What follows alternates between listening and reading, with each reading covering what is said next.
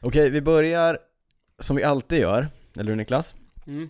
Med att jag ber alla inblandade att släppa bordet och vara helt tysta i typ 15 sekunder från och med nu. Där kom jag på att jag glömt stänga av kylskåpet. Du har lagt ut det.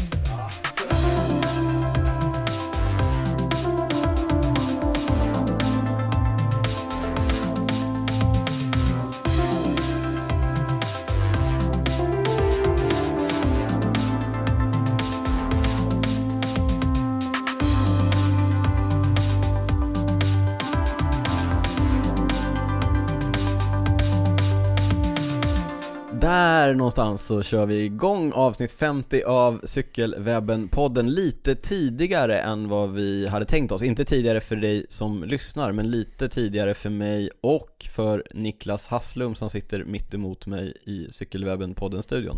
Niklas, vad är Mm. anledningen till att vi spelar in på onsdag, Istället för på? söndag, som, vi brukar? Mm. Eh, vad är anledningen? Anledningen sitter till vänster om mig Och till, höger om mig. Nämligen eh, varmt välkommen till Cykelwebben-podden-studion. Äntligen Emil Lindgren den äldre. Det är viktigt att vi förtydligar. Precis, tack så mycket för att jag får vara här. Ja, det är vi som ska tacka. Ja, det, det är faktiskt vi som ska tacka. Du var ju i, Emil var i stan. Du hade ett eh, åtagande som du har ganska många av. Precis, jag var här, jag skulle ju ha varit här i våras, men då, då hade jag haft några åtaganden och fick något stämband som inte fungerade, kunde inte prata. Men nu så är jag här eh, hos er, eh, också tack vare att jag var här och gjorde ett jobb åt Volvo här i morse. Just det. Eh, och pratade lite grann. Ja, jag var där. Du skötte Yes. dig utmärkt. Tack så Nu mycket. hoppas vi att du Det sköter säger dig... du bara. Ja, precis. Ja, vi hoppas att du sköter dig lika bra i podden. Ja. Ska göra mitt bästa. Ja, ja, men så då kände vi att det får vi spela in tidigare. Vi passar nu när på. Emil ändå är här. Exakt, men för er som lyssnar så är det ju tisdag morgon som vanligt Mm. när vi släpper Du, det är avsnitt 50, hur många färre är det än eh, Viktor Kampenarts. Viktor Kampenarts världsrekord på 55? Vi börjar närma oss, vi måste hela tiden relatera hur många Mm. avsnitt vi har gjort eh, till någonting Just nu relaterar vi till eh, timvärldsrekordet på bana Har du testat köra? Testat bana men inget timvärldsrekord som tur är. Inget Men, som eh, ligger i pipelinen? Nej, verkligen inte. Men bana är väldigt roligt faktiskt. Ja eh, 50 avsnitt, vi fyller jämnt, vi Jämt. firar du som sagt gillar att fira dem jämna? Ja, det är Mm. stort. Vi eh, firar med att ha en, en eh, gäst på eh, plats. Och vi, eh, därför kommer vi också krympa ner de vanliga delarna så att vi kan ägna oss mer åt Emil, för han är ju inte alltid här. Vi kan ju Nej. alltid ägna oss åt de andra grejerna. Men nu när Emil är här Vi så, ska i alla fall försöka. ja, det är svårt. Ja. Som, som du märker, vi börjar genast. Lycka till. Ja, stort tack. Eh, när vi inte spelar in eh, avsnitt av Cykelwebben-podden vet ni att ni kan hitta oss på lite olika kanaler. Det är Facebook, Twitter, Instagram. Där heter vi cykelwebben. Ni kan också mejla till oss på info.cykelwebben.se och när vi släpper avsnitt så brukar Niklas skriva inlägg på cykelwebben.se där vi länkar till sånt som vi pratar om i avsnitten.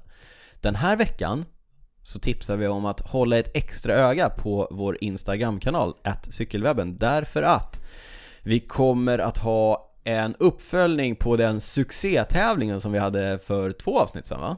Mm, det var det va? Ja, det var det. Alltså Nu- en uppföljning. Nej men det blir en till tävling Ja, helt en till enkelt. tävling. Ja, den här gången i samarbete med det svenska energiföretaget Mårten Mm, som eh, kanske har något nytt på gång. Kanske. Kanske har något nytt på gång. Och vi kanske kommer att eventuellt tävla ut någonting nytt bland er som följer oss på Instagram.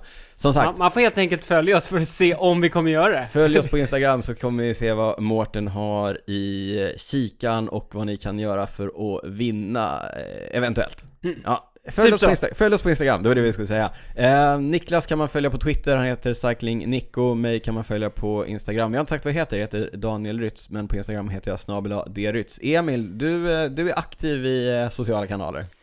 Ja, jag gör mitt bästa. Eh, Jag ser, eller ja, mitt bästa. Jag är inte så jävla skitbra på bildkvalitet och sådana här saker, men jag, jag uttrycker mig gärna. Och Ja. då söker man på Instagram på ett Emil Lindgren Racing.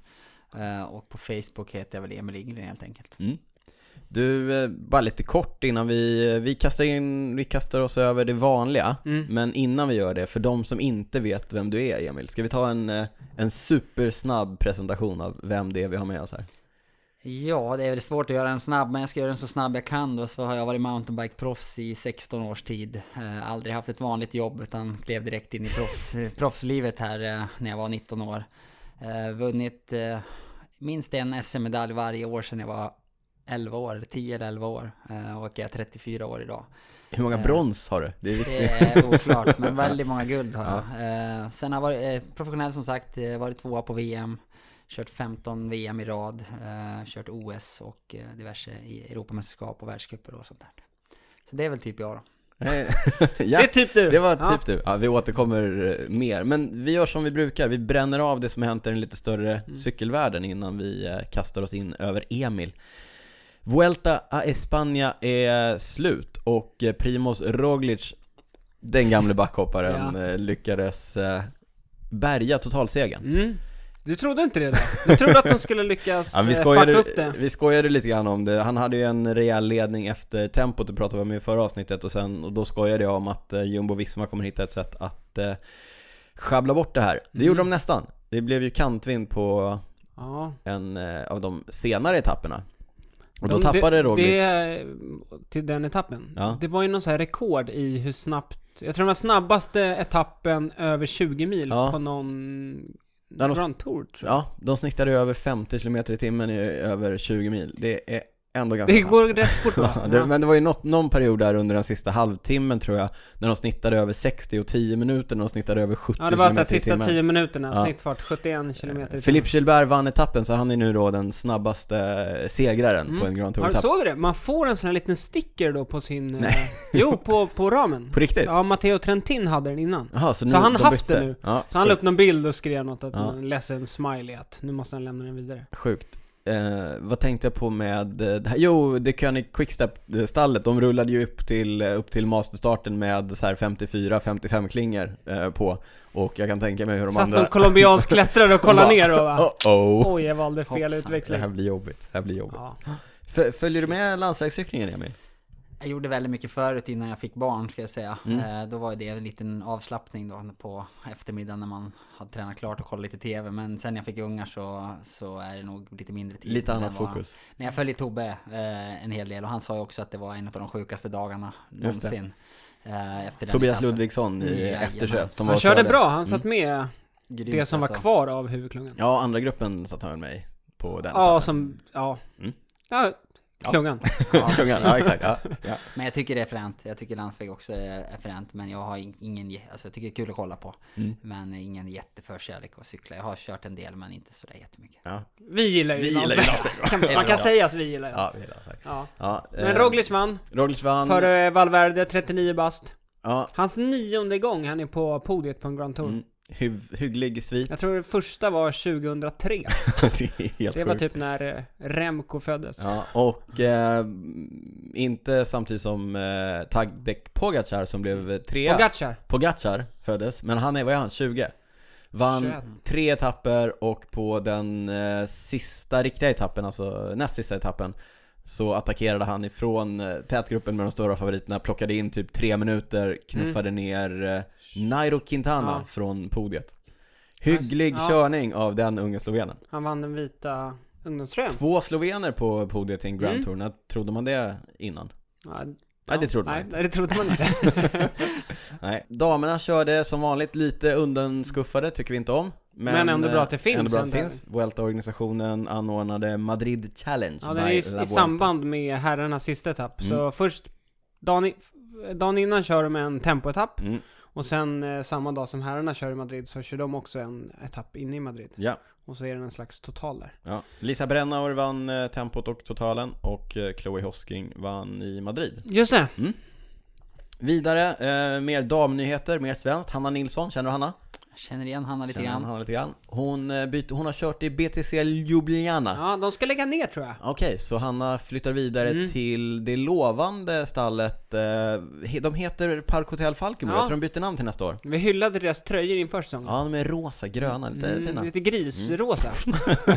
jag tror vi använde ordet grisrosa då också. Ja, möjligt. Hanna är ju superduktig klättrare, har gjort jättefina resultat internationellt Hoppas det håller i sig, vi följer det med spänning Tour Cyclist Femina International de l'Ardèche Ja, det lät bra faktiskt. Tack. Det, lät Ja, det var inte riktigt dåligt. bra Tack, alltså. tack, tack, tack. Eh, etapplopp för Nu får damer. ingen veta hur många gånger du Nej, provade exakt, innan här, för nu har vi klippt där. Ja, Niklas, du har koll? ja, det pågår ju nu. Det är en eh, tävling som damerna kör. Sju etapper. Marianne Foss vann de tre första. Mm. Och det jag tycker är intressant här, Mm, det är för att jag tänkte också vi skulle snacka om Tour of Britain. mm. Som herrarna kör, där vann eh, Mathieu van der Poel tre etapper. Och det vi ska komma till är Och VM. totalen. Och, totalen, ja. precis. Eh, och både Marianne Foss och eh, Mathieu van der Poel är ju de kanske de två största favoriterna Mm. inför VM som körs nästa helg va? Nästa helg när ni lyssnar. Mm. Nu till helgen när ni lyssnar jag till och med. Ja, Ja, så är det. Eh, precis. Du, eh, Emil, du känner Marianne? Jag har haft förmånen att cykla med henne i Giant-laget. Hon provade ju på lite mountainbike med Mm. oss. eh, Och hon är en fantastisk människa. Hon har någonting som inte alla andra har kan jag säga. Eh, Hon hängde nästan av oss på mountainbike då på Cypern och var med och körde med oss lite grann. Eh, Träffade henne här för några veckor sedan när det var Vårgårda-loppet. Just det. eh, Och fick cykla en sväng med dem och det finns mycket energi i den människan. Ja. Så att eh, jag hoppas att hon kan vara med och vinna igen. Hon har haft det lite tufft något år. mm. Eh, det är också så- benägenhet som många andra har att, eh, att ta på sig lite för mycket att göra. Hon råddade Mm. ju egentligen hela laget ett tag. ja.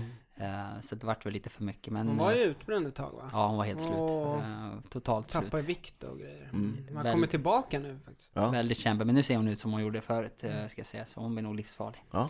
Ja, Och Mattiö har jag lite koll på också. I min tid i Rabobank när vi körde mountainbike där. Ja, där jag också träffade Marianne så var ju Mattiös pappa lite aktiv faktiskt. Just det. Eh, Så han sprang runt där och var inte så stor då. Men han blev lite större och snabbare. Han Ja. leder va? Ja. Ja, shit, den killen kan cykla. Hyggligt. Hans eh, körning på Tour of Britain, du nämnde tre etapper och, och totalen, den var ju... Alltså han var tvåa på någon också och Ja. fyra på någon. Så Ja, han var det var ju- långt framme på Den var ju typ skrämmande, det var ju någon, jag tänkte på, det var ju två avslutningar där eh, klungan var på väg i kapp en utbrytning på, på tre man och man såg inte klungan överhuvudtaget. Sen plötsligt så kommer bara van der Poel och skjuter förbi när utbrytningen är dubbelt så snabbt. Och näst sista etappen tror jag så, så gick han på hårt i, av, i en avslutande backe. Hade Matteo Trentin som du nämnde nyss på hjul och det såg ut som att Trentin bara satt och väntade på att, på att dra igång för han hade ju perfekt Ja. läge, satt på hjul upp mot, upp mot spurten. Och så trycker Sen van ställde man det han Alltså- ställde sig upp och Exakt, så trycker van der Poel till lite grann och då släpper bara Trentin och det roliga är att precis han började innan... vifta typ eller? Nej men innan van der Poel korsar mållinjen så vänder han sig om för att kolla Och då, då kommer en gest, vi lägger upp en video på det här på cykelwebben.se Då kommer en gest från Trentin som är så här, ja ah, du är, vad ska, vad ska jag göra liksom? Du är Precis. bättre Ja. Nej det var Han är ju sjukt att se galet alltså. bra. Eh, han har gjort många fräna grejer på mountainbike också nu i världscupen och nu hoppar han av, över VM eh, i år. Ja. För att fokusera på, på VM på landsväg som han Ja. tror att han kan vinna och jag är väl den första att tro att, eller de flesta tror väl att han har en bra chans där. Ja. Vi pratar ju mycket om, om van der Poel och hur bra han är och att han korsar över till mountainbike och sådär Du som vet hur, hur tuffa de där tävlingarna är Det han gör, hur, hur bra är han liksom? Ja, Han är sjukt bra. Alltså, han är galet bra. Eh, Jag har cyklat emot alla hans konkurrenter nu. Eh, Jag fick ju aldrig förmånen att köra mot han när jag körde världscup men eh, man ser att det, det finns en växel till och det, det går nog fruktansvärt fort. Mm. Eh, Och att han kan göra det på både cross, landsväg och mountainbike det är ju fenomenalt alltså. Det är inte många som besitter den kunskapen och, och kunna liksom växla. Det är, två, det är olika sporter liksom. Mm. Ja, vi har ju sett många som har gått emellan liksom från det ena till det andra. Ja, men det är inte precis. så många, alltså, som växlar under säsong och från år till år och som kör alla tre egentligen parallellt. Det är, det är unikt. Ja, det är, det är galet. Framförallt att gå från landsväg till mountainbike är jättesvårt. Mm. Eh, alltså en landsvägsåkare te- tenderar till att vara lite segare. En mountainbikeåkare är lite mer explosiv ska jag säga. Mm. Men han, han lyckas och ja, det, det är sjukt fränt att se alltså, verkligen. Det är kul Mm. att kolla Och det är på. sjukt spännande att se hur han tränar alltså. Mycket tror jag bara. Tror du? Ja, lite. Ja men det, kanske, alltså han tränar nog en hel del men jag tror inte, alltså det, det är liksom, hemligheten är inte om man kör åtta minuter långa intervaller eller sju tror jag Nej. inte Utan han, han, han, han säger det själv att han attackerar när de andra minst tror det Mm. Eh, Han kör som att han, han är galen och, och kör så som man vill, alltså som är kul att köra. Eh, Blir man lite för, för beräknande då kanske det bara blir sämre. Ja, det är Ja. kul. Vi, som sagt, vi följer med bli spänning. spännande med VM, alltså. VM ska bli otroligt spännande. Vilka, ja, vi...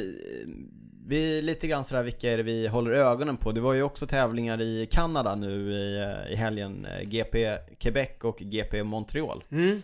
Eh, där vi såg Greg van Avermaet vinna i eh, Montreal och i Quebec Michael Matthews. Bling! Han försvarade. Bling Matthews. Såg riktigt stark Mm, ut. alltså väldigt, väldigt bra ut. Vilket också då, här har vi ännu fler personer, personer, cyklister som blir spännande att hålla ett öga på inför VM i Yorkshire nu till helgen. Känns som att det är väldigt många Mm. att hålla ögonen på. Ja, Känns som att det är många som kan, eh, som kan vinna. mm. det stämmer. Alla kan i princip vinna, som ställer upp. Men, men under loppets gång så brukar ja, så det liksom kommer det sållas. arta sig. Mm. Ja. ja, spännande. Vi har snackat lite grann om vi ska göra en VM-special. Vi får se om Ja, det blir jag vill inte någonting. lova något. Nej, vi lovar ingenting, När men- du säger det i podden så. Håll ögonen öppna, det kan bli en, en lite kortare Ja. VM-special inför linjeloppen som då går eh, i helgen. Ja, jag, jag sa, jag nämnde något med tempot, men du bara Nej, jag bara skakade på huvudet. Nej, tempo är inget inte- Ehm, eh, Cykelcross. Eh, världscupen har eh, dragit igång Ja, så det smått. måste vi ändå nämna. Märkligt. Ja, i Ja. USA, Iowa. Mm. På eh, herrsidan, eller juniorsidan, eh, vann Eli Iserbit. Jag skojar. Därför att Eli Iserbit är 12 år gammal. Nej, han är äldre än så. Han eh, vann före Ton Arts. Vem eh, vann på damsidan, Niklas? Bra fråga! jag noterade att det inte var med på i Det gjorde Mag Roche, heter hon tror jag. Åh! Eh, en uh, kanadensisk tjej tror jag till och med. Som har kört lite mountainbike också. Härligt, Och Emil. tvåa, tvåa ska vi säga att det var Katarina Nash. Som är en av mina favoritcyklister, alla kategorier. Eh, det är grymt. Vi, vi behövde inte ens eh, Nej, vi googla behövde fram googla resultatet. fram det. Vi har som en levande Google satte bredvid. direkt. Ja, härligt Emil. Trea vet jag inte dock, men eh, Nej. de körde fort de också. De Ja. klagade Ja. dock på att det var, det var för varmt. Mm. Eh, Ja, det var det var jättevarmt. tråkigt, tråkigt att cykla när det var torrt där, var det någon som skrev. Ja, men det är ju väldigt olika karaktär på de crosstävlingarna som vi brukar se från USA och det som sen händer under hösten och vintern i Belgien och Holland och eh, häromkring. Jag såg att några av herrarna klagade. Mm. Alltså belgarna. Mm. De lackar på att det är ändå bara belgare som kör liksom. Så Jaha, så alla varför- de åker över dit, åka tävlar dit. Okej. Men, f- men på damsidan är det som sagt skillnad. För där är det lite hemåkare också. Precis. Men på här sidan. Det bryr sig inte de belgiska herrarna om. Mm, På nej. grund av att de är belgiska herrar. Du, eh, ska vi nöja oss med eh, det vanliga? Och så drar vi nytta av det faktum att vi, förutom att du vass på crossresultat Emil, så, Ser. så tänker jag att vi, eh, vi fokuserar lite mer på dig nu. Kör. Du, eh, hur gammal sa du att du var? 34 år vet du. 34 år Yngst i gammal. studion! Yngst i Ja. studion och Alltid varit något. proffs i 16 år. 16 år. Så det är några år nu. Mm. Mm. Men du började med såklart målsättningen att bli bäst i världen Ja, absolut. och köra Eh, internationellt.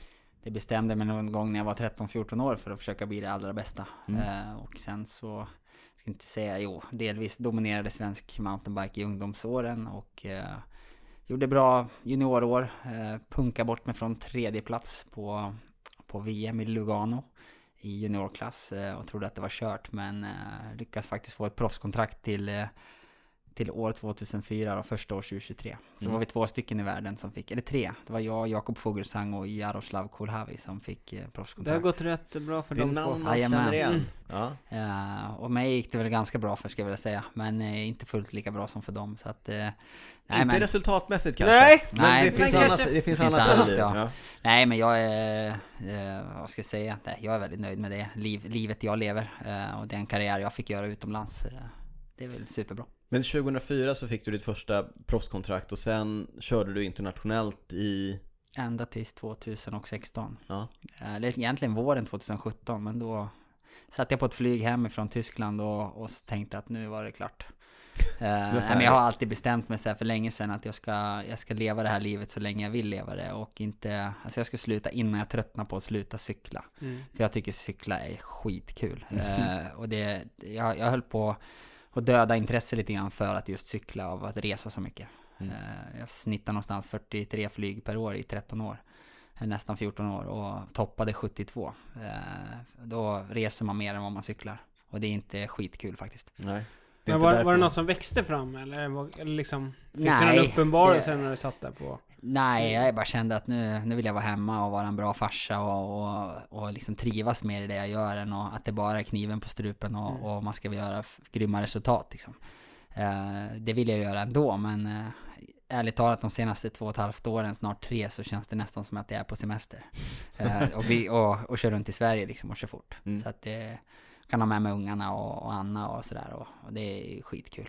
Men det känns ju som att det är, det, det är ett skifte där någonstans eh, Där du går från att bara vara fokuserad på att göra resultat och tävla internationellt och det är världscuper och det är VM och det är sikte på OS och det ena och det andra Till att mer, du, du kör egentligen bara på hemmaplan nu för tiden Ja, precis. Och- jag kör 100 Ja, hemma. och då är det fortfarande naturligtvis eh, fokus på resultaten och vara så bra som möjligt Men du gör ju väldigt mycket runt omkring Ja, precis. Alltså jag har väl alltid gjort med massa grejer, men eh, då var det ju verkligen fokus på, på bara vara en jättebra cyklist. Mm.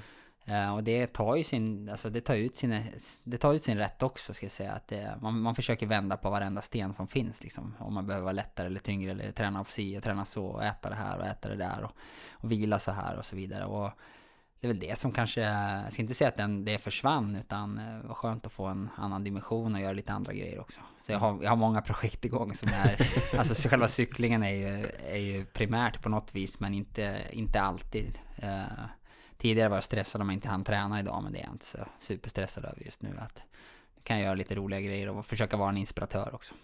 Berätta om... Kanske. Ja, men, nej men för du, det är så här, jag tror att det är svårt för många att sätta sig in i, men jag tänker berätta om din gårdag, för det gjorde du innan, så jag vet ungefär vad det är. Ja, vad det precis. men det är, det är ju liksom en, en vanlig dag i en eh, proffscyklists liv, på, eller i ja, i liv. mitt liv i alla fall så, eh, dels är jag inblandad i massa andra grejer än att, än att bara cykla själv eh, med produktutveckling åt Shimano och i märket Allebike så är jag med en Det här kommer vi återkomma till sen när jag- vi ska Sådär, snacka lite att, eh, prylar. Ja. Så att det, hela min, min vardag, framförallt det här testandet som jag gör med åt, åt Shimano, så tar ju väldigt mycket tid. Så när jag tränar så är det fortfarande det.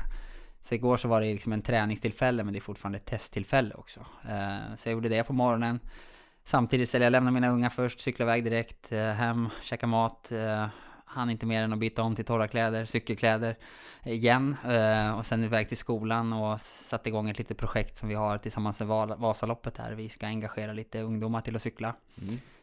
Det kommer mer om det om några veckor. Eh, med, hem, i mat till ungarna och sen var det KM på kvällen, cykel liksom. Så att eh, det är mycket cykel i Jag blir mitt, stressad mitt bara liv. jag Ja. hör det. Det är Nej men det är cykel. sjukt mycket cykel är det eh, och mycket annat. Men jag varvar liksom riktiga jobb med mycket ideell verksamhet också. Mm. Och tycker det är kul att få inspirera. Så kan jag använda cykel som ett verktyg för att få folk till att må bra så är väl det skitbra. Men hur mycket tränar du då? I veckan liksom?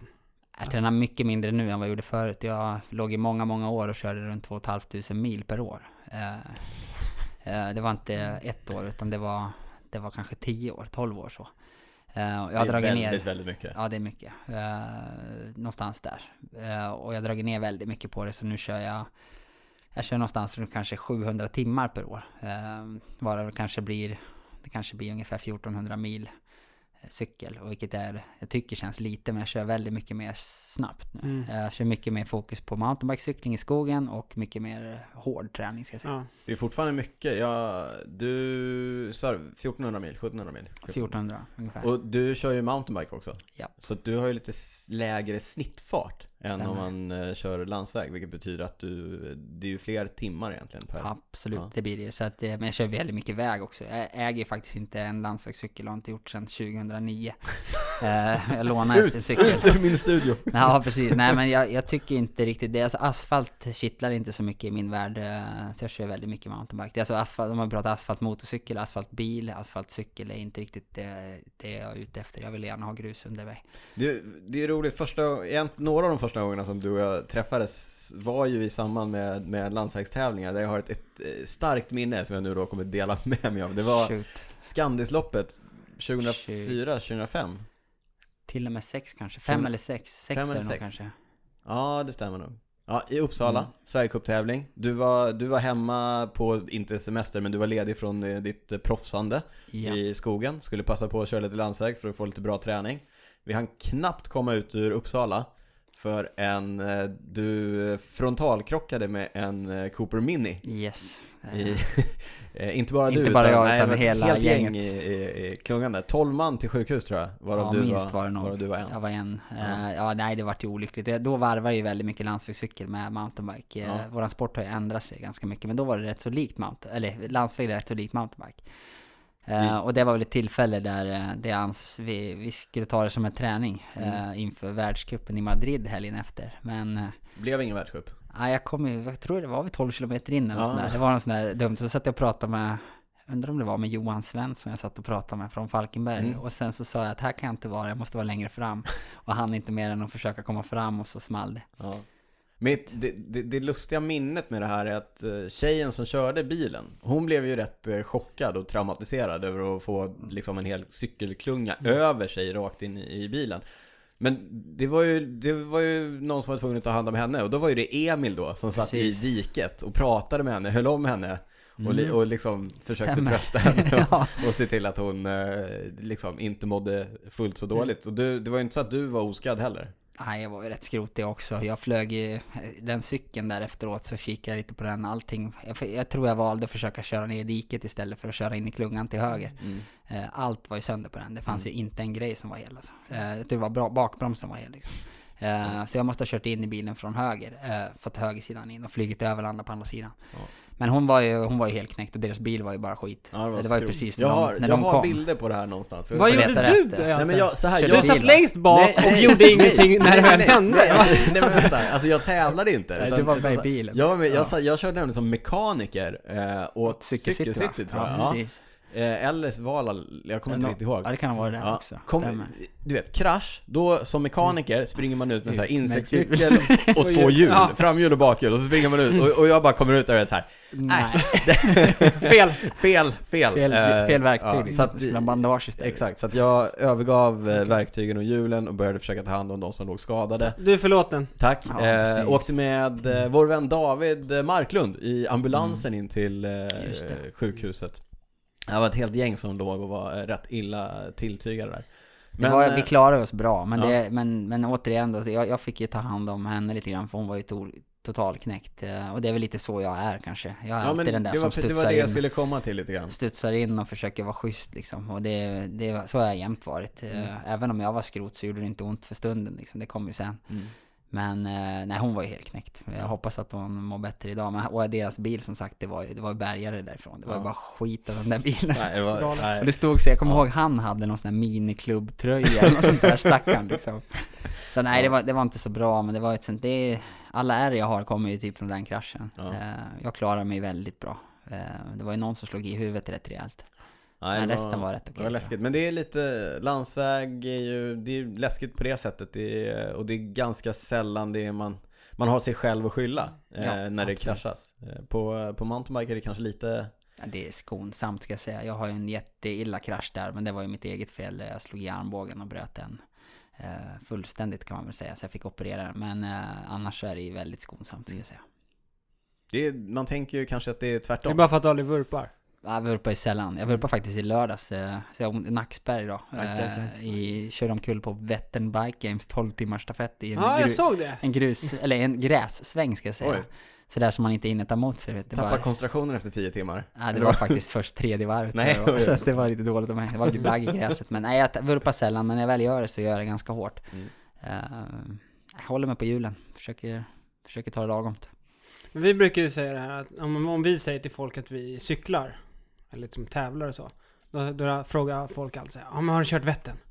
Men du som kör mountainbike, Har du kört Bör- Cykelvasan? ja börjar det bli en sån grej med Cykelvasan? Vad kör du Cykelvasan ja, på? absolut. Nej, men det, det är ju absolut en sån grej och det är rätt kul nu. Nu lyckas jag ändå vinna den i år.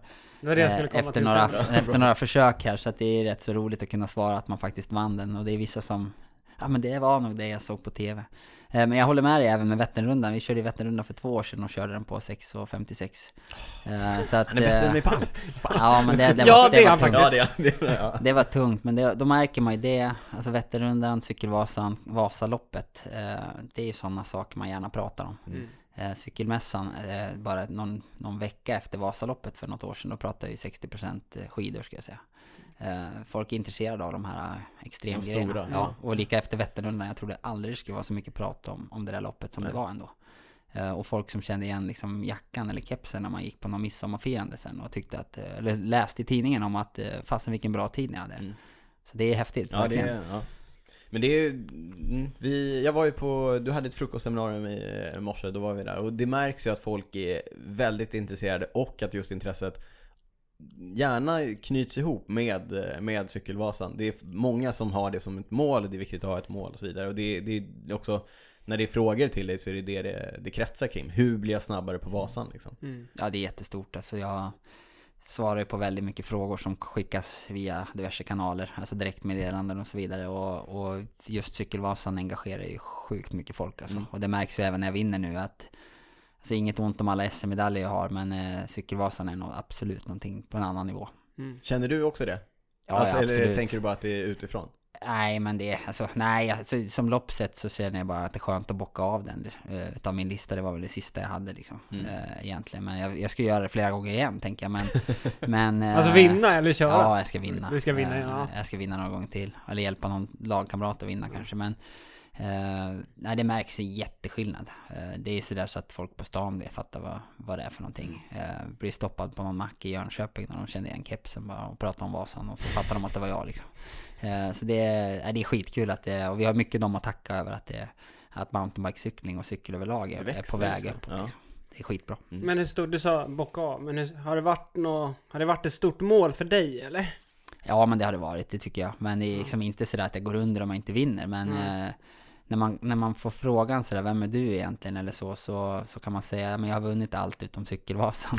och nu är det skönt Det var lätt att kunna... definiera Ja men det, det är ja. faktiskt så lite grann. För det, precis som ni säger så är det ju det man pratar om liksom. Ja. Även om jag tycker att det kanske inte är ett mountainbike-lopp i den bemärkelsen så är det ändå grova däck då. Ja. Eh, så att, eh, nej det var jätteskönt. Det var, var mycket känslor där, absolut. Du, vi tar det här på en gång nu. Jag gillar ju prylarna, så vi, när vi ändå pratar Vasaloppet. Vad, vad vann du Vasan på? Jag vann Vasan på en cykel jag cyklade en timme och 20 minuter på innan. Eh, innan jag fick den. En Ja. hardtail, eh, en allebike hardtail. Eh, med eh, lite mer utväxling på än normalt sett då. Alltså lite tyngre. lite Du måste tyngre, berätta exakt precis. här liksom. Ja, vi, Eh, ja, en, 36 eller? nej, jag körde en 40 fram då. 40 till och med? 40 40 taggar. Niklas. 40? Ja. En prototyp XTR 40 klinga fram då. Och en, Prototyp, det här kommer vi också återkomma till. Ja. Bak hade ja. du? En 1045 kassett. Så att det, så 40... 12 eller? 12 del? 12 delad, ja, Tolv precis. delad. 12 delad. Det är 12 delat som gäller nu. Okej, bra. Tack, Jajamän. tack. Men hade faktiskt gärna haft lite större ändå i fram. Jag tycker det är skönt med en stor framklinga. Mm. Gillar det. Får du plats med det på din allebike? Eh, ja, det får jag om jag vill. Men eh, det är också så att eh, det ska passa i veven. Mm. Eh, och nu råkar jag ha en 40 då, som kom någon vecka innan, som passar väldigt bra. Så att jag hade väl en, en, ett upp på några där, men lite mer växlar. Mm. Vad hade du för gaffel då?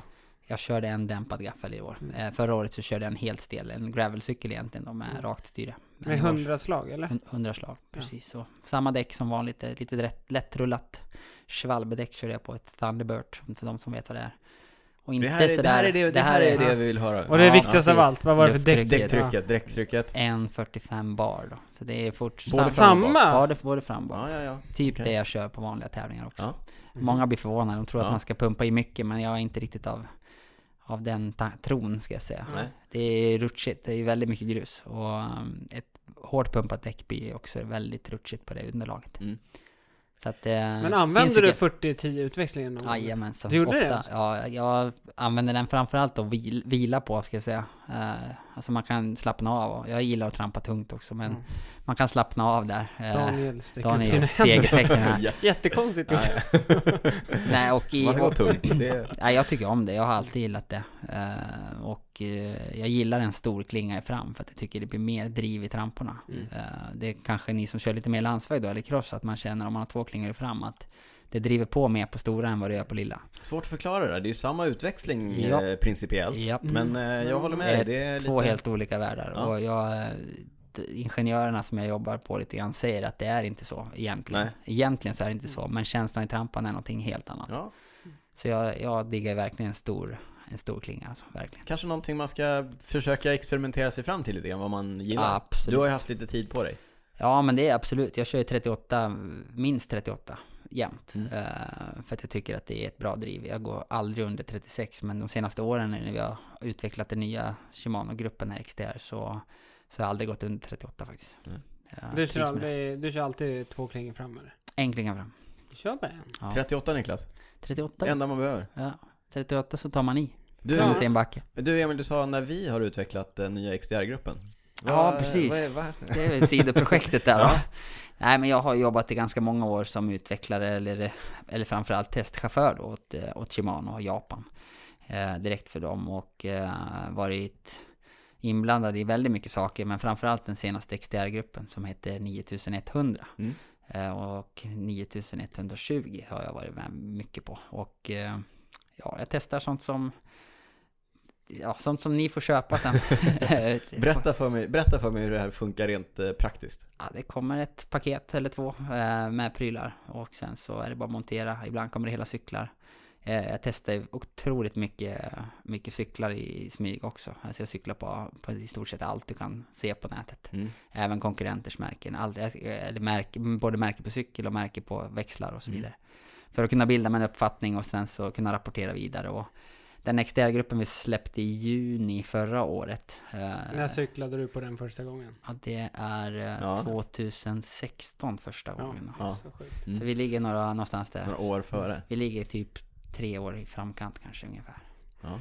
Så att... Eh, Lägg en spion i sätet. Ja. ja, precis. Ja. De bara, har vi någon som bor Ja. någonstans där ingen kamera finns? Nej men det är olika, den cykeln jag cyklar på nu som står i, ditt, eh, i din I hall här, här, ja. den är ju också grejer på som du, du, du, även om du är cykelintresserad så kommer du inte se skillnaden. Nej. Men det utvecklas ju också under tiden så att eh, Och då är det andra material eller kan eh, vara andra eh, interna intern- grejer ja. liksom, alltså som, som du kanske inte ser eller, eller även ute också. Det är, jag kan inte visa någonting.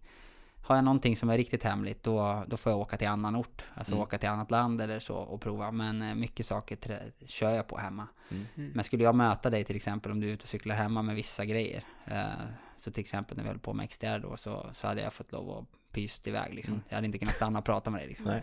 Speciellt mig Eh, specifikt. ja, Andra- nej, men- andra. Ja. Lite så. Så att Ja. eh, det är väl ett förtroende jag har och vi, är, vi är faktiskt bara tre stycken testpiloter i världen Oj. Som, som pysslar med det här. Två Ja, spännande. Ja, det är sjukt häftigt att få vara med. Framförallt de här amerikanerna som håller på med det här. De har gjort det i 30 år var.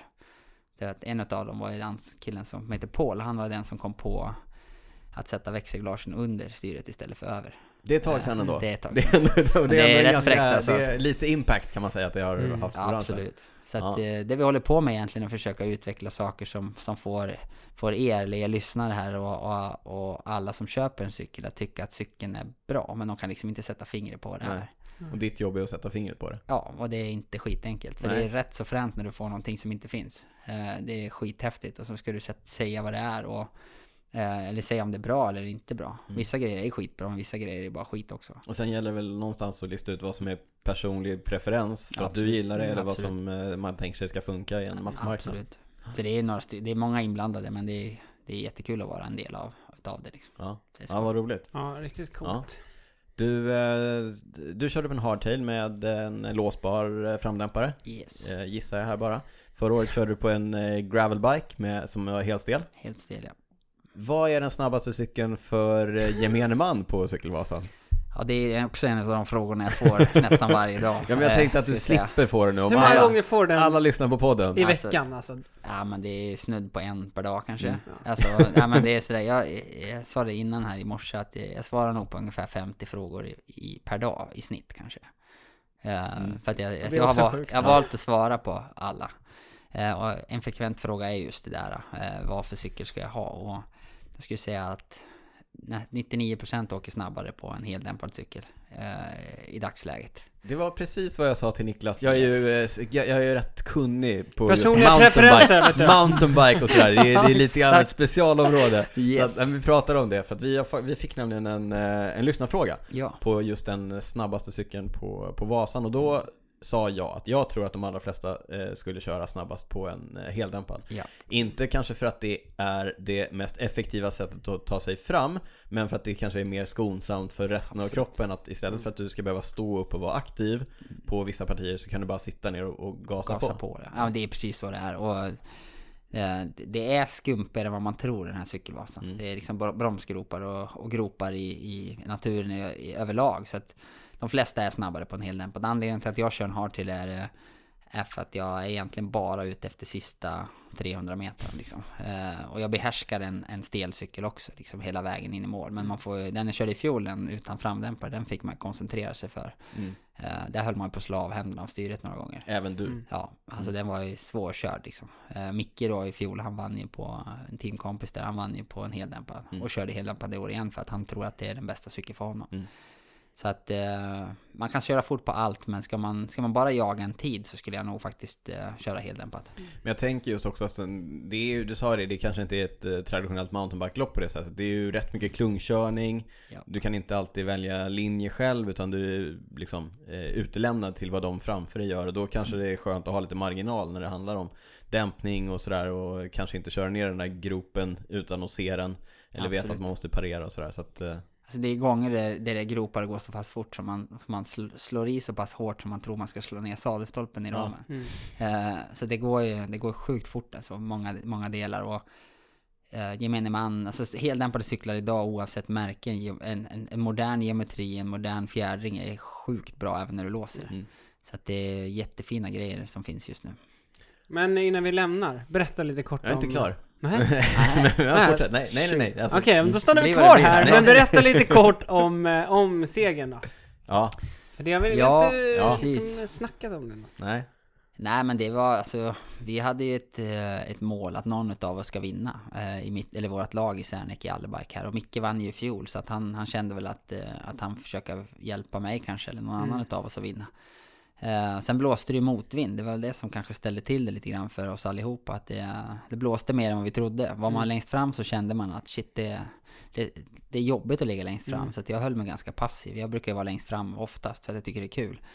Men eh, jag tycker det är kul när det händer grejer. Ja. Så jag var ju rastlös när vi kom till Risberg och frågade Micke, ska vi inte hitta på någonting snart? För det här, det är för många med och det blir oroligt och det blir, det blir Det är ofta så man liksom. vinner cykeltävlingar va? Ja. Upp och, Upp och eh, dra. okynnesköra lite. I vinden. Köra sönder grejer.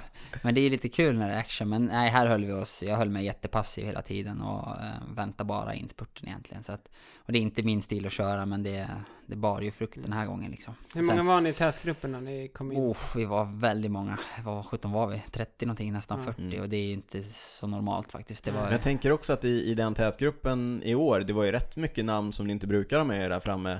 Det måste ha Absolut. känts lite läskigt kanske, inför en spurt också. Nej, alltså jag, nej, det ska jag inte påstå. Det är väl någon, någon sådär, men jag, jag höll mig någonstans topp 5, 6 hela tiden och då, man märker inte så mycket av vilka som är där bak. Mer än att det är lite, lite jobbigt att veta att det är mycket folk där bak kanske. Ja. Men sen när det väl är dags sen så vet jag att eh, vilka, vilka kanonerna är liksom. Vilka. Eh, så att de sista fem kilometerna så blev det lite racing. Och där tog ju min Micke i laget, han tog ju mycket ansvar och såg till att det gick fort så ingen kunde hitta på någonting. Nej, han tog, Eh, ja. Han tog mycket, mycket han blev en hjälpryttare både till mig och till, till alla som har tänkt sig en spurt liksom. Han, Mm. Det blev inga, inga attacker för att gick, han, han körde för hårt liksom. ja, han körde ju sitt max liksom. Han kände att eh, jag gör det här nu. Han höll ju ända in tills det var 300-400 meter kvar. Han är ju hyggligt åkstark också. Skapligt. Ja, Hyfsat. han är grym. Ja. Micke är asbra. Han är, han är lojal och han är bra. Jag hjälpte han i fjol eh, och det vet han ju om. Han hade ju världens sämsta dag i fjol när han Mm. vann. Men, eh, men, Världens ja, sämsta men dag. typ, alltså han var ju helt, jag ska inte säga kass, men med Mickes mått mätt så var han dålig. Mm. Men hur kommer det sig att ni... Att Ja, han blev- kom iväg på ett bra ställe där vi hade kommit överens om att han skulle komma iväg. Så kom han Mm. iväg med en norsk och, och de höll, höll ju undan och jag, jag såg till att det inte blev några attacker Nej. egentligen då. Så att Mm. jag gjorde jobbet åt han och någon, Dennis ju också då, Mm. från oss. Och i år så hjälpte han mig och skönt att kunna leverera då. Mm. Ja. Så det gick i fjol också, jag förväntar mig, även om han är en dålig dag så förväntar jag mig att han skulle vinna där fram. Alltså han vet om att om man är där framme, precis som i landsväg, är man där framme med en till så Då ska man vinna. Ja, och gör han inte det så hade han inte gjort sitt jobb liksom. Nej. Och, i, i, och nu så är Det, det... tråkiga är ju att norrmannen som han var loss med, han hade ju samma förväntningar. Ja, ja, ja typ. Men han gjorde en av dem kommer ju, ja. Ja, exakt. Så att, eh, nej men annars hade vi kört i kappan. Eh, om jag inte trodde på honom liksom. Eh, Men du så- hade låtit någon annan köra ikapp dig så hade du fått Ja, eller kanske till och med alltså, varit med där. Vi får, man får ju bestämma sig då, Utvärdera. där och då liksom. Mm. Ja, precis. Men nej, vi, vi hjälps åt och i, i år så... Alltså när, jag tänker efter så här, efteråt så är jag skitnöjd att jag tog spurten där. Och, och man, ska, man ska också, eller jag har påmint mig själv ska jag säga att jag faktiskt vann klungspurten i fjol också. Mm. Eh, den Mm. riktiga spurten om man säger Ja. så då. Eh, och blev trea. Så att jag kände mig, jag ska inte säga att jag, kände mig, att jag kände- säga att jag kände mig säker, men jag kände mig att gör jag bara rätt grej så har jag en väldigt stor chans att vinna. Mm. Eh, och nu så när jag vann den så är det ju det är skitfränt, verkligen. Ja, grattis. Tack då. Ja, stort. Eh, just det, vi har fått en eh, lyssnarfråga som jag tänker att jag väver in eftersom det är relevant i, i sammanhanget. Ja. Det var ju en långspurt. Du Yes. drog igång eh, ja, det var ju långt före kan jag säga. långt, långt före mållinjen. Kanske 30 Ja. sekunder? Ungefär, Ja, ungefär typ. 30 sekunder. Ja, det är nära på Ja. Simon Kjellén har Mm. nämligen frågat eh, maxkraft under 30 sekunder. Ja, och jag har sagt att den där är, jag kikar faktiskt på den där och den är över 900 watt eh, i 30 sekunder och det Mm. är, det är bra det för min lilla vikt. Ja, det är ganska bra. Ja, Din lilla vikt var 60... tre kanske där Ja. då, ungefär. Ja. Eh, så det är ganska bra siffror ska jag säga. Ja, det är hyfsade Mm. siffror. Där har ni något att sikta lång är du då. Hur lång jag är? 1,70 ungefär. Då är vi samma typ då. Ja, Men ska jag kolla? Inga ska jag, följdfrågor. Ska jag kolla, ska jag kolla, Kolla min max. maxat över Ja, nio? ja, Ja, ja. då får, du, då får du avslöja din vikt också. Ja, Ja, vi får se. ja, Ja, vi får eh, kolla det. Nej men jag har ganska bra nummer där. Men en, just en platt spurt är väl kanske inte riktigt min grej egentligen. Jag hade gärna haft en uppför. Eh, men... Äh, jag, För det är en, det är en platsspurt som, som där, det är ju absoluta tal som, Mm. eh, som räknas i princip. Absolut, Eh, eh, helt klart. Så Watt har per kilo blir ju inte, är ju inte så Nej. avgörande. Nej, det är det inte. Eh, Så det, det var mitt problem hittills ska jag säga. Eh, Dels att få utväxling att räcka till och jag hade gärna haft en växel till eller två kanske här också. Mm. Men eh, ja, någonstans där och vad, vad kan jag ha gjort max eh, 1350 kanske i, i själva igångdraget då. Peak. Ja, Ja. Mm. någonstans där. Så det är ganska bra. Det är väldigt bra. Han är Uff, duktig. du- Ja, han, han är bra Verkar Emil. stark Han är den här killen. Ja, roligt, roligt. Ja. Eh, du ska vinna fler gånger. Ja men det har jag tänkt. Ja. Eh, Hur länge jag till har du försöka. tänkt köra? Liksom hur... Nej, ja, ja, jag har inte satt något sådär supermål än, men jag skulle nog tro att jag kanske kan vara i den... Jag tror inte jag kan bli så mycket bättre än vad jag är, men jag tror att jag kan vara mitt allra bästa i många år till. Mm. Eh, så jag tror, jag ska gissa att jag har ja, mellan fyra till sex år till kanske. Mm. Eh, sen beror det på lite tillfälligheter också, vad som händer. Alltså i vårt lag där som är med och driver är vi ganska mån om att, att titta efter nästa talang liksom. Mm. Jag hade jättegärna velat hitta en ny Emil Lindgren eller en ny Jen Risvids eller en ny Mattia van der Poel eller, eller vem det är liksom. Eh, försöka scouta marknaden och se vad vi Mm. har och kunna liksom också bjussa på liksom på hela alltså allt, alla misstag jag har gjort Mm. och alla bra saker jag har gjort för att, för att kunna kliva vidare och, och kanske skippa de misstagen. Ja. Så vi får se. Eh, Det kan ju bli så att jag blir lite åkande coach eller någonting i framtiden. Det får, Mm. det får framtiden utvisa. 790. Ja, det hade 30 varit... sekunder. Det hade Ja. varit... eh, Ja, det är inte så tokigt ändå. Nej, men det har blivit sämre också. Ja, det Jag är blir så det gammal. 25 då, Nej, Daniel. nej, Jag är så dålig nu. 27. Ja. Jag ska, jag ska, Nej, men det är bra. Jag, trycka, jag ska ut och trycka lite här. Daniel Kan- måste Det avsluta. är dåligt, podden. nej, men jag, ska, ja. Nej, det är inte dåligt. Det jag, är är... hyfs, jag är hyfsad på... Du är bra på annat. Jag är bra på Ja. 15 sekunder. Ja. Och sen är jag bra på en minut Ja. däremellan. Ja, inte bra. riktigt lika bra. Vad har, Ja. du på, vad har du på fyra minuter då? Ja, det ska Kan vi inte? Nej, ska vi inte prata om. Nej. Det är, det är dig vi pratar om nu. Ja.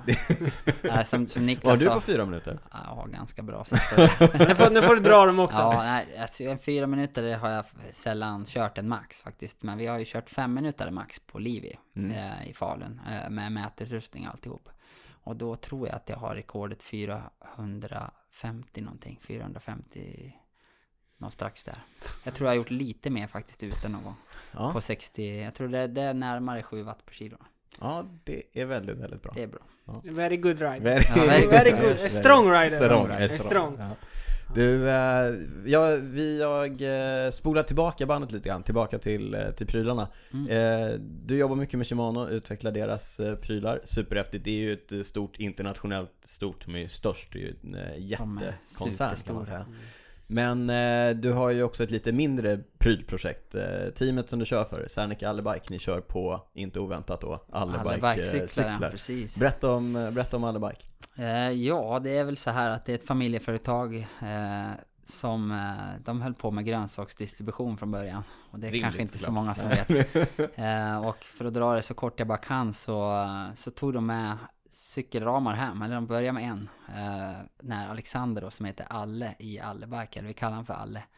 Han är ju fyller 30 nu strax, så det här är länge sedan. Säg att det är 16 år sedan kanske, någonting då, 17 år sedan. Eh, tog de hem en, eh, en ram, han fick, eh, tog fram en penna och papper och visade hur den skulle se ut. Eh, han var inte så gammal så han tog tuschpennor och eh, använde datorn för att göra typsnitt på det var Comic Sans Alle Bike, Alles Bike blev det då. så att det, det var ett litet projekt som blev eh, bara Det var från. Italien då? eh, till Italien, att börja precis. Ja. Exakt. Eh, som blev större och större. Grönsakerna lades ner och nu så är det fullskalig cykelfabrik då. Eller cykel, vad ska man säga, ihopsättningscentral i Sverige. Mm. Så det är jättekul. Men ramarna byggs i I Taiwan. Taiwan, fraktas till Alingsås. Precis, nu håller jag på och hostar så jag Ja, dricker det, vatten. det är helt okej. Eh, här. Nej, de byggs ihop i Alingsås från noll då. Mm. Eh, Så Alexander han står där. Så det är ett familjeföretag som sagt och alla bygger, bygger på väldigt hårt nu för att få det här att lyckas. Mm. Eh, Vi har inte, jag skulle säga att det är sex personer ungefär som jobbar med det här. eh, Och gör ett jävla jobb just nu. Eh, Så nej men det är skitkul resa. Eh, Mm. Vi har gjort, börjat väldigt lite och eh, vi är på gång åt ett väldigt roligt håll skulle jag säga. Så att det är, det är som sagt ett familjeföretag. Jag är typ enda som inte är med i familjen ska jag säga. Men jag klassar mig nog som familjen då. Då min Anna, mamman till mina barn, är bästa kompis med Lotta som är är frun i huset. Eh, och de är även Lotta och Peter som äger är gudmor och gudfar till våra barn. Så Ja. eh, det känns, Det det känns som att family. jag, ja men det, det, är, det är familj. Och ehm, det jobbas, det jobbas riktigt hårt för att lyckas eh, inom den, det gebitet också liksom. Du har ju tidigare varit proffs och kört på Bianchi, Japp. eh, Giant, Japp. vad har jag missat? Full Dynamics. Full Dynamics var i Ja. sy, ja, lite mindre sydafrikanskt lag, Momsen heter det. Men jag Eh, tänkte på eh, de här större, alltså Bianchi, Giant är ju störst i världen på, Mm. eh, på cyklar och nu någonting mycket mindre där du själv har kanske lite mer input i, i det ni kör på. Hur, hur inblandade är du i liksom framtagandet av nya cykelmodeller, ramar eh, liksom, och heldämpat? Jag tänker att det är mycket, det är mycket som ska stämma. Ja, absolut. Det är en superlång väg att gå. Eh, nej, men jag, är- jag är ganska in, eh, involverad ska jag säga. Eller, Alexander gör ett jättejobb själv. Han är, eh, han är jätteduktig cyklist. Han är nog förmodligen det bästa vi har i Sverige. Om, man, om man, han hade bara cyklat och fått till det så hade han varit värre än mig. Det är jag helt säker på. Är Ruskigt snabb. Eh, så han vet ju redan vad som behövs egentligen. Eh, och sen lite input från mig och några andra så så, så går det bra ska jag säga. Eh, sen så vi liksom alla andra stora märken går ju på våra nitar också liksom. Att man, man tror på någonting som man provar och kanske inte blev skitbra.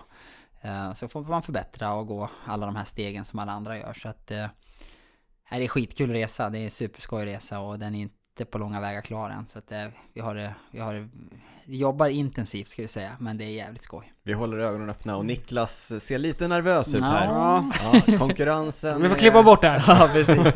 Nej, men konkurrens är alltid bra. Det är precis som på tävlingsbanan. Ja, vi, vi, vi behöver konkurrens för att bli bättre. Mm. Och, och det här som de här ger sig in i hela familjen Blomqvist nu i, i Allebike, det är, det är få som har vågat gjort den resan. Några som har provat, eh, många som har misslyckats kan man Mm. säga då. Eh, så att, nej, det, det är skoj. Det är, liksom, jag, det, allt jag ger mig in i ska jag säga. Det, är- jag, det är lite som i cyklandet också. Ger jag mig in i någonting då vill jag att det ska bli bra.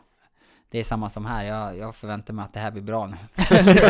Nej men alltså jag hade Ja inte- men det behöver du inte vara Nej, orolig nej, jag Det här blir med riktigt det. bra. Det är Ja, ja, Sveriges det bästa Nej cykelpodd. men jag hade inte ens åkt hit om jag inte trodde det skulle bli bra. Nej. För att jag har inte, alltså jag vill inte lägga tid på sånt jag inte, inte tror på. Eh, Sen om man misslyckas ibland, det gör man. Men, men överlag så, så jobbar man hårt så kommer det att lyckas liksom.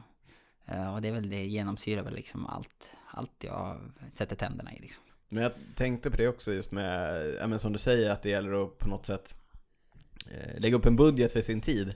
och var, Absolut. var man lägger, var man väljer att satsa och, och, och vad man gör. Det vet jag att du, men det berättade du också om här i morse tidigare när jag lyssnade på det. Just, vad ska man säga, den... Du kom till någon insikt där 2016 när du hade pajat eh, armbågen lite grann om att det var att du kanske Precis. inte var, det var inte rätt väg du var inne på. Nej, men det har kört, liksom, kört hårt i många år och, och sen får jag en jättekrasch som, som krasch. Jag kraschade ur mig från topp 9 i världen i ranking eh, till 154 eller vad jag blev. Mm. Eh, man tappar ju rankingpoäng och sådär. Och sen ska man gå vägen tillbaka och bli stressad och OS-kval och, och så vidare. Och, och liksom man känner att det är, det är inte bara huvudet som tar stryk utan det är kanske kroppsligen också. Liksom, att man orkar inte, man blir stressad och mitt hjärta slutar slå höll jag på att säga. Men det slår konstigt emellanåt. Eh, sen stressrelaterade grejer. Eh, som, som inte är ovanligt men det är, då får man kanske lov att dra i handbromsen någon gång. Mm. Och jag köpte en motorcykel, det funkar för mig. Och jag, göra någonting annat liksom. Eh, Det- Sen dess så kör jag motorcykel frekvent. Det, det är din ventil liksom. Ja, verkligen. Alltså, Ja. Jag använder ju ungarna och familjen som det också, men för att vara, göra någonting helt annorlunda så, så åker jag jättegärna motorcykel och Det, det är ju intressant, det är intressant det där, därför att för mig och för Niklas också tror jag, för många av oss som håller på med cykling, då är ju cyklingen vår ventil. Mm, Men för dig så är det ett, ett måste på ett annat sätt och Ja, jobbet jag, liksom. jag, jag kände att jag måste ha någonting mera som gör att jag kan släppa liksom Släppa tänket på cykel och tänket på liksom prestation i, i, i som fa- farsa eller och alltihop och då Då har jag ett motorcykelintresse så råkar jag lära känna Joakim Ljunggren som är eh, Han har gjort egentligen exakt lika karriär som jag har med internationellt och så vidare och mästerskap hit och dit och så vidare i, fast med motor då Fick börja hänga med han och några till och, och, och det fick mig att må bra igen och Mm. slappna av och faktiskt kanske förlänga min karriär några år till och, och sitta här liksom. Så det, jag tror det är viktigt att ha någon slags balans. En hobby. Ja, Mm. precis. Om det liksom är cykel då, som det kanske är för er då, eh, så är väl det suveränt faktiskt. Det är dit vi måste komma tror jag, för att Mm. kunna orka med liksom och leverera i, på alla plan. Nu är det ju, eh, säsongen är slut eller? Ja, jag har en helg kvar nu i Jönköping här i helgen. Eh, sen så är det väl klart, kanske om jag inte hoppar in och kör någon cykelcross här Ja eventuellt. just det. Cross-säsongen ja. Du har... Eh, Du har- flinar lite. Ja, precis. en, en, Nej men det, är- det är kul med cross, alltså jag hoppade in där för några år sedan. Det var, Vann undrar om inte, ja precis, undrar om inte du körde lite då också Ja, jag kanske? kör, ja, jag var jättebra. Eh, Fantastiskt. Jag hoppade in och körde, vann SM, vann Sverigecupen och körde VM faktiskt eh, något år, Sankt Wendel. Eh, och har väl förmodligen bästa VM-placeringen av en svensk också, 24 kanske. 25-26, Ja. någonstans där. Får vi kolla upp här? Ja, jag får kolla upp. Jag tror det är det. Jag jag tror det det. vem tänker du skulle varit... Kanske där väl. Men jag tror Kanske att han är efter. jag vet inte, hur bra gick det för Kestakov? Han har också kört någon VM. Ja, jag tror inte han, eh, jag tror han var, jag tror jag har den bästa, vi får se. det? Det Klåpare. vore skönt jag att kolla upp det köra här? ifrån Fredrik Ja. någon gång. Nej då, men det är, det är kul med, kul med cross. Mm. Eh, sen så ska det bara passa in i schemat lite. Mm. Det Men hur ser jag det... Nu mountainbikesäsongen tar slut, eller tävlingssäsongen tar slut. Hur ser det ut för dig med cyklingen nu under hösten och så vintern? Liksom? Alltså, jag tycker ju om vintern eh, och hösten. eh, Den typen av cykling när man cyklar lite mer förutsättningslöst på något Mm. vis och bara, bara kör liksom. Eh, Det gillar jag. Sen så, alltså jag, jag, jag är ett stort fan av vinterträning också. Jag tycker det är kul. Alltså jag tycker det är... Äkta svensk Ja. cyklist Ja, men jag liksom, tycker ja. det, måste tycker Det är Monark och det är vintercykel. Ja, Monark är jag inte skitglad i, men, eh, men jag har ju en, eh, och en, en trainer alltihop och lite Swift och sånt där. Men, men jag cyklar gärna ute och jag tycker ju väldigt mycket om att cykla långt. Jag tycker det är skitkul att cykla långt också. Eh, Men sen just nu, en stund framöver, man gör sig, eller jag gör mig en tjänst om jag kan, kan träna ganska lite under en liten period och Ja. försöka köra lite mer motorcykel och, och ha det lite gött så istället. Ja. Så du kör lite off-season? Ja, men lite grann. Jag, jag slutar oftast inte att träna, utan jag Nej. tränar faktiskt igenom för jag mår bra av det. När jag vilar så, så blir mitt hjärta ganska kass faktiskt. Eh, Det är då det blir kass. Mm. Eh, Så har jag längre perioder av lite mindre aktivitet så mår jag inte riktigt skitbra. Mm. Så att jag håller igång men jag försöker göra lite andra saker. Sen i, i det jobbet jag gör med Shimano så måste jag faktiskt nästan lägga 100 mil i månaden.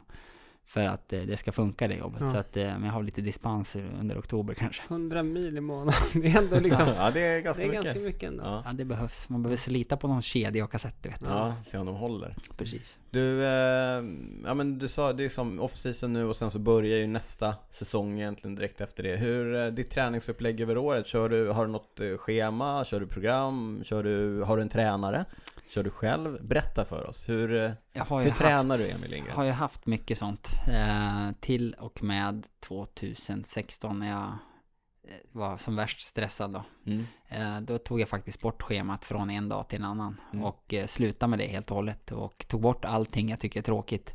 Därav köpte jag Nej men jag har gått sjukt mycket på gym Ja. till exempel. Jag har kört jättemycket sånt. Jag plockade bort det helt och hållet för att jag var inte, jag vill inte göra det längre. Så ingen styrketräning? Nej inte alls. Eller inte på gym fall. Nej precis, och därav köpte jag motorcykel lite grann. För Mm. att det är sjukt jobbigt att åka motorcykel. Det är nog Mm. bland det värsta du kan göra Och sen om du faktiskt. inte är så bra på det, så Då måste är du det- lyfta ja, upp det- den också. Mm. Det mycket- är så tungt så Ja. du fattar inte. Så åker, skulle vi åka en gång nu så skulle du tro att du är sjuk dagen efter för du har ont överallt.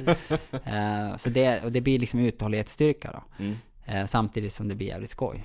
Eh, så jag tog bort allt sånt. Sen, sen har jag egentligen gått 100% på feeling sen 2016 augusti. Eh, jag tränar mindre som sagt men jag kör mycket hårdare pass. Eh, mycket kortare med fart för att jag tycker det är kul. Jag tycker inte, jag tycker inte det är roligt att cykla sakta. Eh, det har jag nästan aldrig tyckt. Så när jag cyklar långt så cyklar jag ganska fort också. Det gillar jag. Eh, Ja, Nej men jag kör på lite och, och det behöver jag göra. Om man kollar mina, mina vattennivåer till exempel så behöver jag faktiskt åka närmare 30 km i timmen i snitt på För att få ett distanspass Ja, liksom. absolut. Ja. Då har jag 140 puls liksom. Alltså Ja. någonstans där. Så att jag behöver ligga på lite och då det tycker jag är roligt. Så att, eh, nej, men jag, jag, tränar, jag tränar väldigt mycket cykel för att jag tycker cykel är Och kul. förlåt, jag måste bara, eh, 30 km i timmen på På mountainbike. mountainbike, ja precis. Eh, så att det, det är närmare där. Är jag i riktigt bra form så klarar jag 30 ganska lätt i 5 timmar. Är i lite sämre form så får jag kanske slita för 29 liksom, eller Mm. 28,5. Eh, På vinterunderlag ska tilläggas. Så att... Who is this guy? Ja, han, är, han är ganska ja, okej. Nej Ja. men jag, jag är väl en träningsprodukt också och jag tycker det är kul att se hur, hur långt man kan dra det. Så att jag är inte sådär oäven för att eh, un, även under vinterperioderna liksom se, se hur mycket kan, Gasa på jag, hur lite. mycket kan jag kräma ur liksom. Ja. Ja, det är Eh, som, vi har pratat mycket om det i podden, vi, Ja. gubbgnet, det är mycket gubbgnet och Ja. jag, i ett av avsnitten så, det jag inte har kunnat, eh, vi pratar om att man inte kan släppa saker Mm. eh, Snitthastigheten, sitter och stirrar på det på cykeldatorn och bara vill trycka man, upp den liksom. Man tävlar mot den, ja. Ja. Liksom, det har hänt två gånger här också. liksom. så att, ja. Nej men jag, jag med mera av devisen att, eh, att det ska tränas ganska hårt liksom. Lite mindre timmar nu men, men ganska tufft för att jag tycker det är skoj. Mm. Eh, sen har jag dragit det lite för långt några gånger. Bland annat nu i mars i, i år så under något testcykelpass här i början på mars så, så drog jag faktiskt sönder baksida låret som jag har slitit med sedan dess. Eh, någon slags bristning som, som har satt sig liksom på ischiasnerven så ända Aj, ner i hälen. Så att det är ju skitdåligt egentligen men det är liksom också det man får räkna med när man när man provar När gränserna liksom. Ja. Eh, jag har ju haft ont lite överallt men inga jättestora grejer sådär.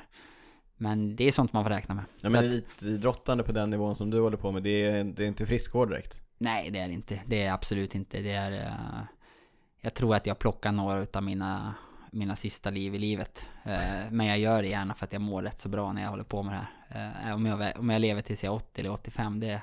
Just nu är det lätt att säga att jag struntar De där i det, sista men- fem är inte så... Nej, men jag skiter hellre i dem om jag får, om jag får må, om jag får bra, må bra just nu. Och, och liksom, jag mår väldigt bra när jag får eh, maxa ur och se vad kroppen går för. Då trivs jag. Men du snackade om det med träningen och så, att du kör på feeling och så. Men har du ändå någon plan, typ varje vecka eller varje månad ungefär vad du ska köra för typ av träning? Eller är det sen när du går ut i garaget och kommer Nej men jag har en, jag har en, en tanke lite grann Mm. och min tanke nu är lite mot, eller mot vad jag gjorde förut så just nu så kör jag antingen kort och hårt och ett kort och hårt pass kan vara en timme långt men det kanske är 15 minuter absolut järnet. Mm. Eh, antingen kör jag kort och hårt eller så kör jag långt och hårt. Nej men typ Ja, så. jag ska köra idag! Ja exakt. Ja. Nej men lite så, så att jag blandar dem inte så värst mycket. Nej. Eh, utan jag kör liksom hellre en period med två veckor bara kort och hårt och tävlingar då kanske. Ja. Eh, och sen så, så kör jag hellre en period där det är ett par, tre veckor bara långt. Mm. Eh, för, jag, för jag känner att det ger mest effekt just nu. Ja. Eh, jag har svårare att blanda för då blir de hårda passen, de blir för, de blir för mjuka liksom. Det blir, det blir för mjäkigt. Så jag behöver vara fräsch när jag ska köra de hårda grejerna. Mm. Det är, framförallt det är därför jag gör så. Och det, sen om det funkar eller inte, det, jo, det funkar väl hyfsat men det kanske inte... Uppenbarligen verkar det ju funka. Mm. Jag tror att man, man kan gå med på feeling i vad man gör och, och framförallt så har jag faktiskt börjat ta bort pass där jag känner, jag vaknar på morgonen helt slut och då, då är det ingen idé liksom. Nej. Då kör jag hellre något, något, alltså något teknikinspirerat eller, eller något sånt där lite lugnare pass liksom. Du leker rätt mycket på cykeln, gör du inte det? Ja, det, jag har ju sjukt roligt när jag cyklar faktiskt. Eh, ser det som en utmaning varje dag. Mm. Så jag har det skoj. Sen, sen nu när grabbarna blir äldre också, de är fantastiska att cykla de två. De är bara 6 och 9 år, men de är grymma på cyklarna Mm. alltså, Så att eh, vi kan ju leka ihop. Har du något att brås på eller? Ja, lite så. ja. Nej men de, de kör vi, de har, de har ju gått en skola de också sen. De cyklar ju, tekniskt sett cyklar de är bättre än många vuxna. Mm. Fast de är liksom inte är så starka än. Eh, för de har fått lärt sig från grunden och de har ju bara lekt fram det liksom. Vi, Mm. vi leker fram till skolan och hem varje dag liksom. Det är skitkul. De, du körde, jag såg dagen efter, det är ju så roligt, du vann eh, Cykelvasan, ändå en ganska stor grej.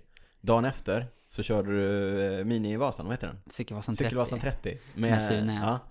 ja. Det är, nog, det är nog bland det häftigaste man kan göra faktiskt. Mm. Jag rekommenderar jag alla, även om man inte har ett barn att cykla med så är det skitballt att köra det. För att man får vara med, få se glädjen hos de små. Det är Mm. sjukt häftigt alltså. Det är riktigt, riktigt fräckt. Så jag och Sune har kört det två år i rad. Man får ju börja köra det med förälder när man är åtta år. Så Mm. jag har kört i två rad. Eh, och de cyklar bra fort alltså. 21 km i timmen i snitt körde Sune på i år och det, Oj. det är inte dåligt alltså. Oj. På mountainbike? Ja, Ja. visst. Ja. Eh, Ja. så att det, nej men det är en häftig upplevelse och, och ger liksom en, en dimension till det jag håller på med också liksom. Att försöka vinna dagen innan, det är ju, det är jättekul men det är, köra 30 lite lagom, det är fantastiskt alltså, verkligen. Den insikten känns ju ändå som någonting eh, som kanske har kommit, kanske med åren, kanske med att du, ja men att du faktiskt är eh, pappa till två killar. Eh, och jag tänker att innan så, när du var yngre och bara var fokuserad på din eh, prestation, så fanns inte den balansen. Nej absolut, visst är det så. Det, det kom, alltså, jag ska väl säga det att jag är sjukt ärlig i det, alltså det, även sociala medier och så vidare, så är jag väldigt ärlig om hur, hur man, både hur jag mår och hur, hur det känns. Så jag, jag ska inte säga att något är påklistrat överhuvudtaget, utan att det, det kommer efter år med år liksom. Eh, just nu så tycker jag att det är väldigt roligt att kunna bjuda på, på hela resan liksom och, och också få vara med liksom och inspirera yngre och så vidare, hemma i klubben och utöver i landet och så vidare. Så att det sker väldigt naturligt och det är skitskoj resa att få, få följ, även följa andra som lyckas liksom. Om det är inte, det är kanske lyckas för dem inte att vinna kanske, utan det är kanske att gå ner i vikt eller ta sig under fyra timmar på cykelvasan eller vad det nu är liksom. Du träffar ju mycket motionärer i samband med eh, event som du gör. Du kör mycket clinics, alltså Yes. eh, träningsläger och sånt med, eh, med, Precis. med alldeles vanliga cyklister. Sådana som du och jag Niklas. Vi, Dödliga? alltså vanliga dödliga. Ja, exakt. Eh, vi som inte är så snabba. Vilket är det vanligaste felet som eh, folk gör när de, eh, när de försöker träna sig till cykelvasan? Vad, vad går man eh, liksom, vad stöter man på? Ja, det var en bra fråga. Eh, jag skulle nog vilja säga så här att överlag med cykel, så framförallt mountainbikecykel som är en teknisk sport, så, så tränar man, man tränar kondition liksom. Mm. Man glömmer bort att lära sig att styra också. Mm. Jag skulle nog säga att eh, det går att kapa, beroende på vad du har för tid, så går det att kapa mellan 5 och 10 minuter bara på att vara avslappnad på cykeln. Eh, och det lär man sig liksom, det lär man sig på en parkeringsplats någonstans liksom. Det lär man sig kanske inte första taget i hög fart på cykelvasan just det. Det, man, det man plockar med sig någon annanstans ifrån. Så att det är väl det största felet, att man, man kanske inte har någon tanke riktigt. Man åker ut och cyklar och man, man gör inte så mycket mer än att åka ut och trampa, vilket inte är något fel, men, men ska det bli bättre så, så, så finns det ju saker att jobba på liksom. Jag tänker också att många av de som eh, kanske kör cykelvasan idag, de kanske inte började cykla mountainbike när de var 10-12 år gamla, utan de kanske Ja. började när de var 35, 40, 45. Och då Precis. kanske man heller inte eh, har det där lösa och Det lediga där flowet Nej, menar kroppen riktigt. Nej men det har man kanske inte, men det, det handlar om att få folk bekväma på sin egen cykel. Så jag är inte, jag är inte orolig överhuvudtaget om jag cyklar cykelvasan i en grupp som är 30 pers liksom. Nej. För jag, jag vet att jag har koll på mina egna grejer och kraschar någon framför mig eller vad det nu blir, vinglar, så kommer jag lösa det. Mm. Eh, det, är, det är där man, man måste kunna vara avslappnad i en grupp. Eh, Du måste, vi måste, du måste lära mig det här. Ja, du Ja, behöver lära. Daniel ganska mycket grejer. Ja, men det är såna små basic grejer liksom. Ni, är- ni är här i storstan skulle jag nog sä- säga. Om ni cykelpendlar i Stockholm så är ni ganska alerta. Man måste vara med liksom. Eh, För annars så kommer det hända olyckor. Mm. Så att det är redan det är ett steg åt rätt håll, ska jag säga. Eh, Jag känner inte att jag har med mig det när jag är ute och kör cross i och för sig. Det, Nej, precis. Nej, men får ta en liten grundkurs här ja, snart då. det ser jag fram emot. Jag ska Absolut. boka in en eh, genast. Ja, det är bra. Du Niklas, ska vi eh, kasta oss över lite lyssnarfrågor som har kommit in? Ja, Eller har du några spännande frågor? alltså jag som... Eh, Du som Person. Niklas, ja. jag som Eller? eh, ja men vi snackade lite Ja. om, eh, vi nämnde ju Kesjakov Ja, som är ny eh, mountainbike-förbundskapten. förbundskapten. Mm. Eh, och du snackade om här att du inte tävlar något internationellt och så. Du är Precis. inte sugen på att köra VM eller? Nej, just nu så är jag inte det. Men jag har faktiskt inte stängt dörren heller. Och, och vi i vårt lag också, ska jag säga, har en, eh, en tanke på att eh, alltså vi vill expandera vårt lag till en internationell scen också. Mm. Eh, och jag har inte stängt dörren. Så det kan mycket väl hända att jag kommer att, att göra ett, ett tilltag liksom för att komma ut. Men Alltså då, ett VM-tag eller ett ja, tävla internationellt? Ja, då tar jag hela, om det blir så tar jag hela paketet. paketet. Jag hörde dig i morse säga att du har kört ett OS hittills. Ja, precis. Eh, Det kan, det, alltså jag skulle vilja påstå att jag är mina bästa år som cyklist. Mm. Så att eh, det som det handlar om egentligen är att man måste bestämma sig och när vi väl bestämmer oss så kostar det ganska mycket ekonomi för att vara Mm. ute. Eh, Då är det liksom, ska jag bestämma mig så handlar det inte om en helg ute utan då handlar det om 150 dagar utomlands Ja. i- igen då som jag gjorde många år. Det kostar ju på både ekonomiskt Ja, och och familj och hela- framförallt. Men om vi bestämmer oss en dag och, och vi känner att det är det vi ska göra, då, då, då vet jag vad som krävs. Och, och jag tror att jag fortfarande har det. Så att, eh, men det, det krävs en skön stämning och, och minst ett par år ska jag säga då. Mm. Eh, Så vi får se. Och det här att Fredrik är med nu som förbundskapten och samordnare där, det är ju eh, skitbra. Alltså det blåser starka vindar som blåser åt rätt håll tycker Mm. jag i cykelförbundet Ja. nu. Så att jag är är invol- involverad där också i lite olika sammanhang där, Ja. där jag tror att det att jag tror att det är bra grejer på gång så att jag, Mm. jag håller tummarna som bara Kul! Mm. Kul att Ja, det höra bra. från någon som också är insatt. Ja.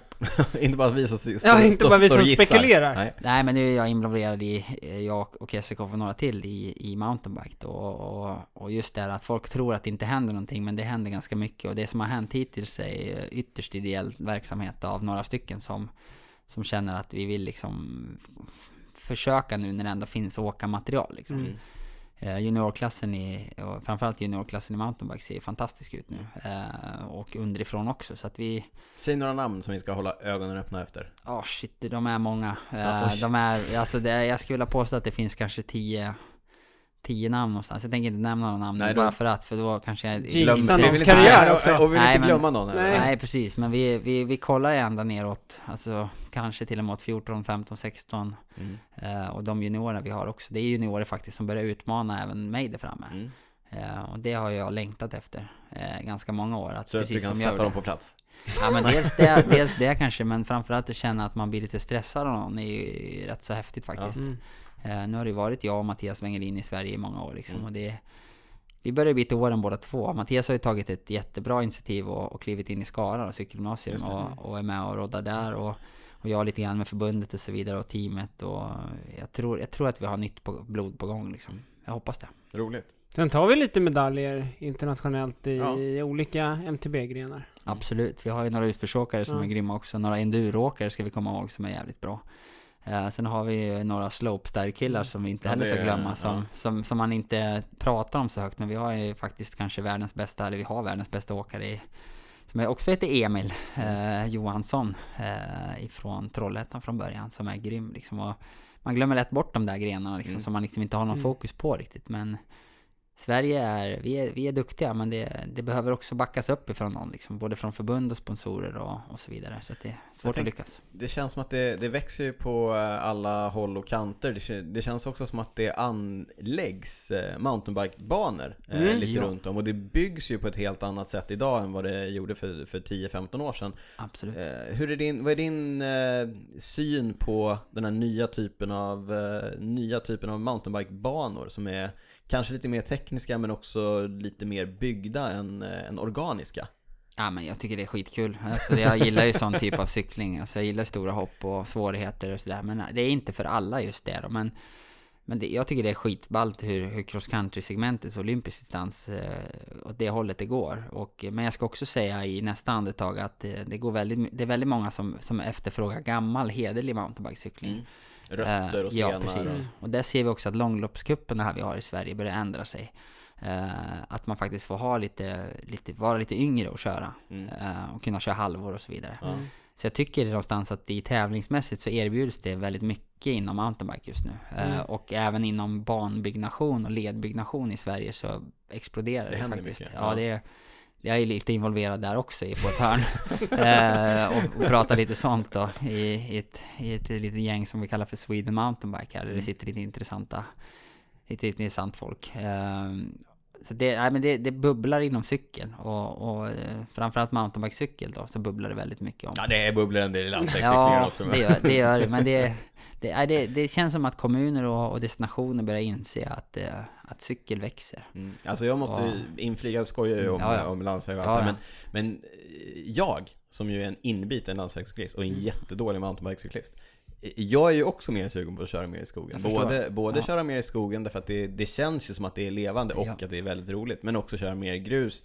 Har Ja. också en hel del för mig att göra med trafiken. Och bara slippa Absolut. vara ute på vägarna och få... Det är mer av en, Absolut. en upplevelse att få Mm. vara i skog och mark liksom. Ja, helt klart. Och där jag kommer ifrån så är det ju bara grus. Alltså jag tycker det här gravel-segmentet är skitballt. Mm. Eh, för, att, för att det är typ sånt jag kör. Mm. Eh, det är därför jag inte har en landsvägscykel heller riktigt. För jag, jag håller med dig precis att jag... jag gillar inte riktigt att vara på vägen. Jag Nej. väljer vägar där jag vet att det inte är så mycket folk. Eh, och kan man då välja grusväg så är det nästan inte en människa. Så att, eh, och när jag kör väg så har jag ofta varselgrejer på mig nästan. Alltså hjälm i orange liksom. Mm. Kolla på Trek till exempel. De har ju sina kläder liksom Ja, och så vidare. Ja, och- precis. Och jag kör ofta likadant för att jag tycker att det är eh, det, det, det är ett problem, trafiken, Mm. absolut. Så är det. Och sen när du, jag tänkte på det också när du säger att du kör med, med dina kids. Det finns ju för mig ingen anledning att börja köra landsväg Nej. med, med barn innan de är liksom 15, 16, 17 om man vill börja tävla. Och kanske inte ens då behöver man träna på landsväg speciellt mycket. Utan eh, då, det, då kan man ju gå mellan grenar. Va? Absolut, jag tror eh, det har vi varit några som har förespråkat ganska länge. Sen förstår jag alla inbitna landsvägare som gillar det. Eh, För alltså landsväg är skitballt också, men, men just som du säger, alltså upp till 15-16 klass kanske man, man knappt behövde tävla. Alltså. Det kan man lära sig senare då. Mm. Eh, hade jag fått bestämma så hade det varit BMX-banor i varenda stad liksom. Eh, För där lär man sig ju grunderna. Mm. Som man kan plocka med sig. Kolla Robert McEwen, han är ju en grym BMXare liksom. Och nu är han, det var ett tag sedan. Ja, får Men- berätta det för alla våra Ja, lyssnare. Rob exakt. McEwen, superduktig spurtare, eh, tidigt 2000-tal. Ja, Stuart och Grady var väl samma sak. Samma sak BMX där. liksom. Vunnit Paris-Roubaix. Ja, och då... De lä- lärde sig någonstans liksom i... På någon grusplan någonstans, eller grushögar. Mm. Ja, och det kan de plocka vidare sen. Men apropå det här med nya områden som växer fram och leder och så. Vi har fått en eh, lyssnarfråga. Ja. Eh, det mest fantastiska cykelområdet, alltså cross country, i Sverige där även amatörer med stort A tar sig fram. Har Ja, det- tips? ja, Undrar. Karl Wickman. Ja du Karl, det finns mycket, det finns mycket att cykla på. Nej men jag får den frågan också ganska ofta och, och i cross country aspekten ska jag säga att eh, det är jättesvårt att säga. Det finns sjukt många bra banor. Eh, det, Falun där vi byggde till exempel är ju rätt så extremt då, men ska man just ta amatörer med stort A så, så tror jag nästan att det är alla leder som byggs, liksom tar Idre, tar Lindvallen, tar Mm. Alltså hela Biking Dalarna-segmentet, alltså även neråt i, i Hörby till exempel byggs det en fin bana och det är lite överallt och det gäller nog att försöka hitta in på de där ställena. Mm. Eh, och det är, just nu så är det ett arbete som sker där, där folk försöker skapa en ledgradering och, eh, och lite sådär. Eh, Mm. Ska ha ett möte om det nästa vecka men just nu så, så finns det flera ställen och jag skulle vilja påstå, beroende på var du kommer ifrån Karl, så skulle jag säga att är du från västkusten så åk och kolla in Skatos område är jättefint. Och är du från Dalarna så åk upp förbi Falun eller Snartsäter har vi markerade leder också. Jag fick en Ja. fråga precis nu. Hur Ja. ser eh, MTB-arenan ut i Säter? Ja men det ser ganska bra ut, men vi, vi knackar ju på dörren till det här Biking Dalarna och som, som, blir, eh, som är led, leder eh, utmarkerat och där, där ska vi faktiskt markera nu i kommande vecka här som det ser ut. Eh, Så snart så kan man hitta leder precis där jag bor också. Och på sikt så ska jag, hoppas jag kunna erbjuda en riktigt grym MTB-arena vad det gäller som tekniska hinder och så vidare på min bakgård hemma. Oj, I stort då kommer jag, då kommer jag ta en lektion. Bra, Ja. ja. det är härligt. Så jag vet inte, det var inte så bra svar på den där frågan kanske men Men det kändes eh, bra. det, det är Som på många gång i alla ställen, fall. ja, ja, ja. Det är på gång i alla fall. Ja. Det är en jättedetaljfråga. Mm. Hur långa vevarmar kör du? 170 mm långa. Oj. Eh, och triv, jag har provat allt. Uh, trivdes väldigt bra på 172,5 men det tillverkas ju lite dåligt eh, Ja. på mountainbike. Till och med du har vad, svårt vad är att få tag på grejen alltså. med det egentligen? Ja, det var ingen efterfrågan eh, tyvärr. Jag tyckte om det men eh, har aldrig, kun, jag har aldrig kunnat cykla på 175. Jag har provat så många gånger för att det skulle vara lätt att Mm. kunna det. Men jag klarar inte av det och det är inte för att jag slår i fötterna i, i, i stenar utan det är snarare att sadeln blir låg, knät kommer nära magen. Mm. Och det går inte, jag, jag får inte ut någon kraft alls. Det är lustigt det här med vevarmslängd. Jag Mm. gnällde ju på det i förra avsnittet. Många som Mm. har eh, kommenterat. Jag har ju lånat Mm. en, eh, en gravelbike som också Ja. står här ute i hallen. 175 år. 167,5. Oh shit, Ja, det har jag aldrig provat. Och jag kör ju 172,5 på, Ja. på landsväg. Där, där finns det ja, lätt att få Hur tag känns på. den då?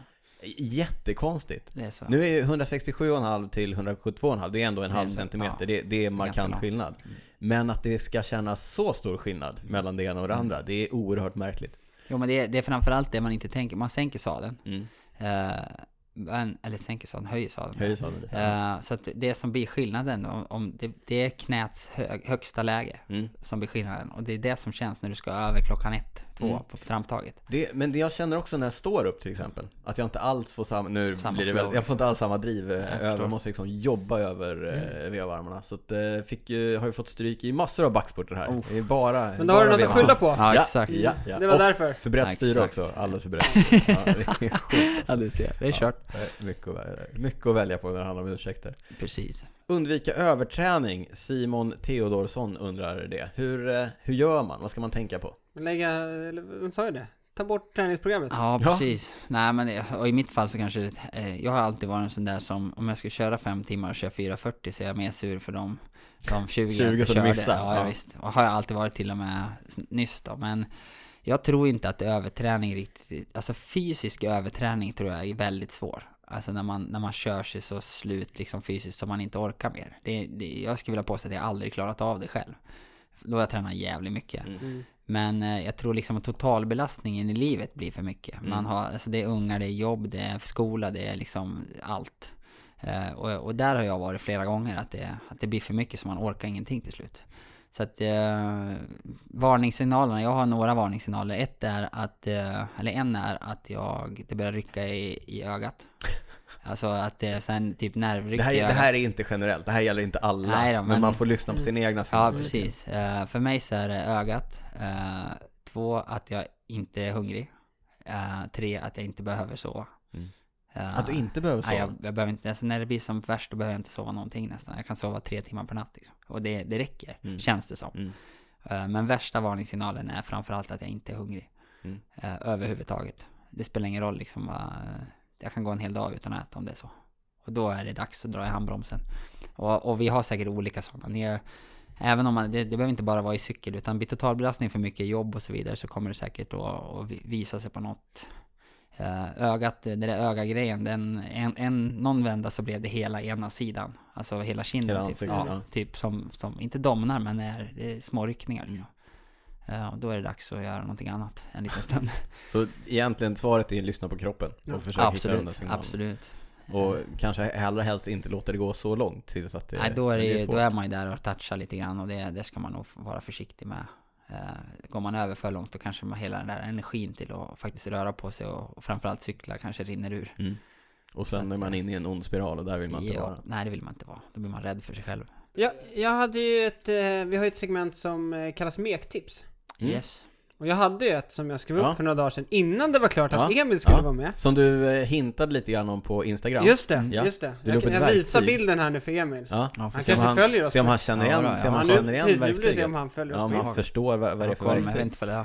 Ja, ja, den har Mm. jag sett att ni har lagt upp. Ja, Ja, ja. ja. Vad är det för verktyg? Ja, men så då blev det också bra eftersom det handlar om skivbromsar. Ja, ja visst. Och Emil, han, är, han har Kör, koll kör du med skivbromsar eller? Ja, det är klart. Ja. Jo då, jag har provat annat också, men Ja. skivbromsar är bra. Finns det. något nytt på gång? Ja, Trumbromsar? Vi får se. Ja. Eh, Magni... Oj, oj, Ja, oj. precis. Ja. Kidnappa de här Ja, vad de säger. Får se. Ja, Nej men du har ju lagt upp ett riktningsverktyg här då för skivor. precis. Eh, Jag själv äger faktiskt inget sånt utan jag kör med fingrarna istället. Precis, och det var det jag skulle Ah. komma till också. Ja. Men jag pratar med många i... eh, I jobbet. i genom jobbet då. Mm. Eh, och nu börjar det även bli ganska stort på landsväg. Eller väldigt stort. Eh, men det känns som att kanske kunskapen om hur man tar hand om skivbromsar inte riktigt har hängt med. Inte till landsvägen i alla Nej, fall. inte till landsväg. precis. Jag vet inte hur det ser ut på Nej, sam- mountainbike. Det är bättre där men det är lite samma problem Mm. ja. Men så mitt enkla mektips, det är ju... För ofta är det folk som hör av sig om att det tar emot liksom. Ja. Ja. Mm. Någon gång per varv. Mm. Eller ibland mer. Mm. Men så då var ju mina två tips. Det första är ju att man lär sig hur man centrerar oket liksom. Yes. Mm. Är det Ja. någon Hur er? gör man då Micke? Ja, hur gör man då? Ja, nej precis. Men då, då kan vi, Oket sitter ju fast med två skruvar. Mm. Yes. Precis. Så då kan man lossa på dem. Okej. Mm. Ja. Och då, men man skruvar inte ut dem helt, utan man lossar på dem. Och då, kan, då känner man att oket rör lite på sig. Precis. Eh, och sen så håller man in bromsen då, Bra. bromshandtaget. Och sen drar man åt, samtidigt som man håller i. Och då centrerar det sig oket gentemot skivan. Ah. Och har du lite tur så blir det bra. Har man Ja. tur, precis! Och har du lite otur så blir det inte bra. Nej, Och precis. då måste man använda ögonen. Precis. Eh, Ja. Och kanske flytta, alltså lossa på en framförallt. Eh, Och flytta, liksom trycka i sidled. Mm. Vrida lite. Ja, precis. Man trycker liksom koket i sidled lite grann. Och så, så får man prova igen och sen Mm. så får man testa igen. Och, så, och har skivan blivit helt krokig, då går det ju faktiskt att rikta upp den lite grann. Precis. Men den blir aldrig helt rak kanske då. Nej. Ehm, så att det, det är lite pyssel, men det är liksom ingen raketforskning i det där heller. Man kan Nej. egentligen inte misslyckas, så det är bara att skruva tills man klarar det och lära sig helt Och enkelt. det är det, det jag vill komma till, att många tänker också, tar den emot lite så är det sönder. Det Mm. blir trasigt. Ja, det är något fel, jag måste skicka ett nytt hjul. Reklamera hjulet! ja, ja, det funkar Ja, inte riktigt så. nej. Nej, precis. Eh, Men också det här med verktyget då, som sagt. Precis. Det, det kan, som du gör, man kan använda en skiftnyckel, man Ja. kan använda händerna. Men oftast kan man ju titta, man kan titta där skivan, där den tar i när den går in i Mellan oken. bromsstoffarna. Precis, då kan man se vilket håll den... eh, Mm. Precis, Ja, det är lyssna lite- och titta. Så kan man ju bara då använda händerna eller Mm, skiftnyckeln eller... Och böja till skivan. Precis. Mm. Ja. Så Alltså det är mitt lilla- skitviktigt ska jag säga och överlag då Du får säkert de, eller ni får de frågorna ganska ofta så är det ju det, Man kan inte misslyckas nästan med cykel faktiskt Det är om man drar lite för hårt och grejer Mm. sådär kanske men, men är man lite försiktig så är det ju bara att lära sig Mm. det är Våga inte, testa. Ja, våga prova, justera växlar och, och så vidare Det är inte, liksom, inget farligt Mm. Eh, Det är väldigt sällan man kan, man, det är väldigt sällan man råkar göra någonting som inte går att återställa. Ja, absolut Det, ska, det är om man drar sönder en gänga eller så Mm. någonstans, och det Ja, ska man precis. vara lite försiktig med. Så man ska nog kanske, jag har aldrig använt en momentnyckel dock, men, men man kanske ska vara lite försiktig med just sådana grejer. Många drar ju åt så att man knäcker styren och Mm. man eh, d- ja, dummar till det lite. Framförallt i dessa kolfiberdagar. Ja, ja. Precis, det, man måste vara lite försiktig, men eh, är man försiktig så är det inte så svårt att lära Nej. sig faktiskt. Har du något annat bra mektips? Något eh, standard? Ja, det bästa jag vet, är ju, eller bästa tipset som jag ger väldigt ofta, det är om man har punktering till exempel. Och Mm. om man ska ta av, ska byta en slang. Mm. Nu har inte vi slang så värst ofta på mountainbike, men, men ändå så lägger vi ibland. Om man punkterar. Eh, då är det att starta och sluta vid ventilen. Den är inte så Superbra, dum det är ett faktiskt. bra För tips det är alltså. nästan ingen som kan det. Nej. Eh, för ventilen bygger lite grann så att däcket blir tajtare på fälgen. Mm. Eh, Så att om man försöker få på det sista någon Ja. annanstans på fälgen Ja. så är det jobbigare på grund av Ja. ventilen. Och lika när du börjar också så är det bättre att börja precis runt ventilen. Då brukar det gå bra. Och då, då brukar man faktiskt kunna greja nästan alla däck utan verktyg. Mm. Eh, så den gillar jag. Supertips. Yes. Vi skulle precis avsluta här och då plingade det till i Niklas eh, mobiltelefon och så fick vi en uh, titta, lys, lyssnarfråga. Ly- eh, Men de tittar, de har ju tittat på Instagram och så då är man en tittare. Jag läser. Ja, det var en bra fråga så vi, vi tar med den. Mm. Mm. Låt honom, alltså Emil. Det är ja. Mm. Jag tror inte att det är du Daniel. Berätta hur han ser på ungdomsträning, det vill säga från åtta år uppåt. Hur viktigt är tävlandet? Bra träningsformer, materialhetsen med mera. Ja, det är en jättebra fråga och jag är väl ytterst eh, Partymålet. part i målet, ja precis. Nej men jag är faktiskt ungdomstränare också då, både innebandy och cykel ska jag säga. Eh, Hur är det eh, med prylhetsen i Ja, innebandy? den är ganska soft där ska Ja, jag säga. bra. Då köper man en klubba för ett par hundra så kör man liksom. Ja. Men, eh, nej, men i cykel så är det ju lite tuffare. Jag, jag har en, jag tillsammans med några andra vuxna har hållit i en gul grupp i Sekon Aten här i Säter och där har vi varit spridda från 9 eller till och med 6 år, eh, 9 till 16 år ungefär. Eh, Så väldigt stor spridning och plus vuxna med då. Så när jag var med så var det ungefär 24 stycken tror jag. Eh, och när jag har hållit i det så har vi kört nästan uteslutande stafetter. Eh, där vi kör ganska korta tekniska banor, eller både tekniskt och lätt. Eh, runt, runt en och en halv till två minuter.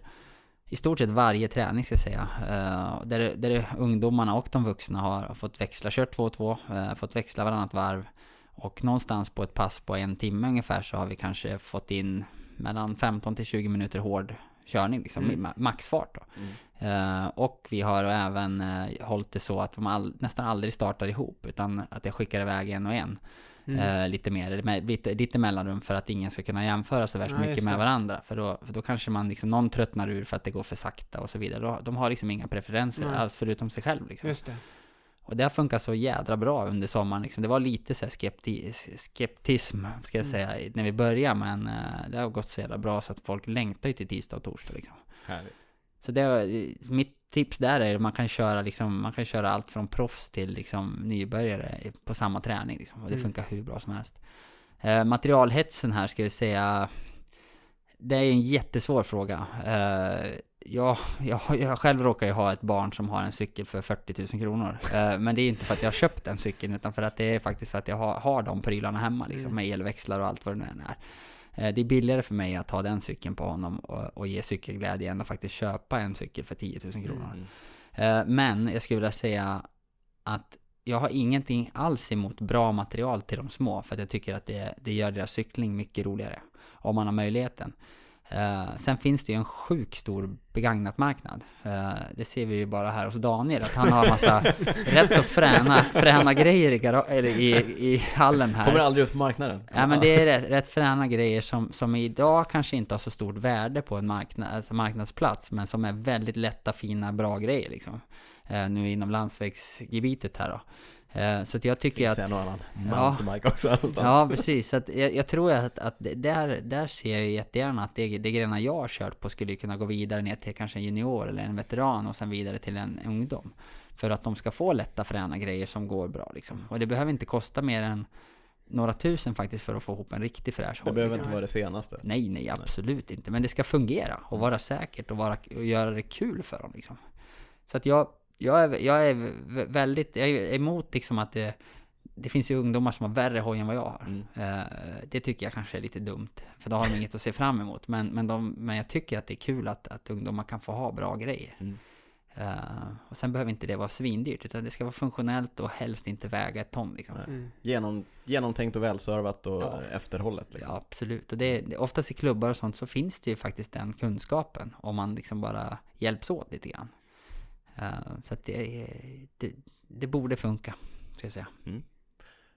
Bra. Det, ja men tack Emil. Vi, Mm. eh, ja, det är dags att runda av det femtionde avsnittet av eh, Cykelwebben-podden. Stort tack igen Emil Lindgren för att du har varit med oss. Ja, Kul. kul. Hoppas vi skötte oss. Ja, jag Mm. tycker ni är skitgrymma och det ni Ja, gör är viktigt bra. här. Eh, Tack. det var det du ville höra, eller hur? Ja, det Nej, men jag därför. tycker att det... Äntligen! Det tog en och en halv timme till Ja, exakt. Där tar vi det. Ja. Då kan du klippa bort allt annat. Nej, men jag, jag tycker att ni gör ett bra jobb samtidigt som... eh, Alltså cykel växer ju och, och det här behövs. Och jag är förvånad faktiskt att ingen har tagit den här pucken innan. Nej men det är våran. Eh, Så ja, den är- ge, ge ingen några idéer. Nej, Det är Det här- skitbra. Det är det här som gäller. Ni Ja. köttar på med det här. Ja. Så ser vi fram emot lite mera mountainbike Ja, lite mer. Ja, men det här hjälper oss. Det här var bra, jag känner redan att vi har höjt eh, liksom vår kunskapsnivå lite här. Verkligen. Bra, fan vad skönt. 1,45. Så Ja. följ, exakt. Så följ, följ, eh, följ oss på Instagram, eh, Twitter eller Facebook, vi heter snabel cykelwebben. Det kommer dyka upp en liten tävling eh, med våra vänner ifrån Mårten. De gör energiprylar, dryck och gel. Kommer dyka upp en liten nyhet där. Hur var kaffet Niklas? Helt orelaterat. Lite eh, pulverkaffe. Supergott. Ja, eh, håll ögonen öppna på Instagram efter en spännande tävling med Mårten.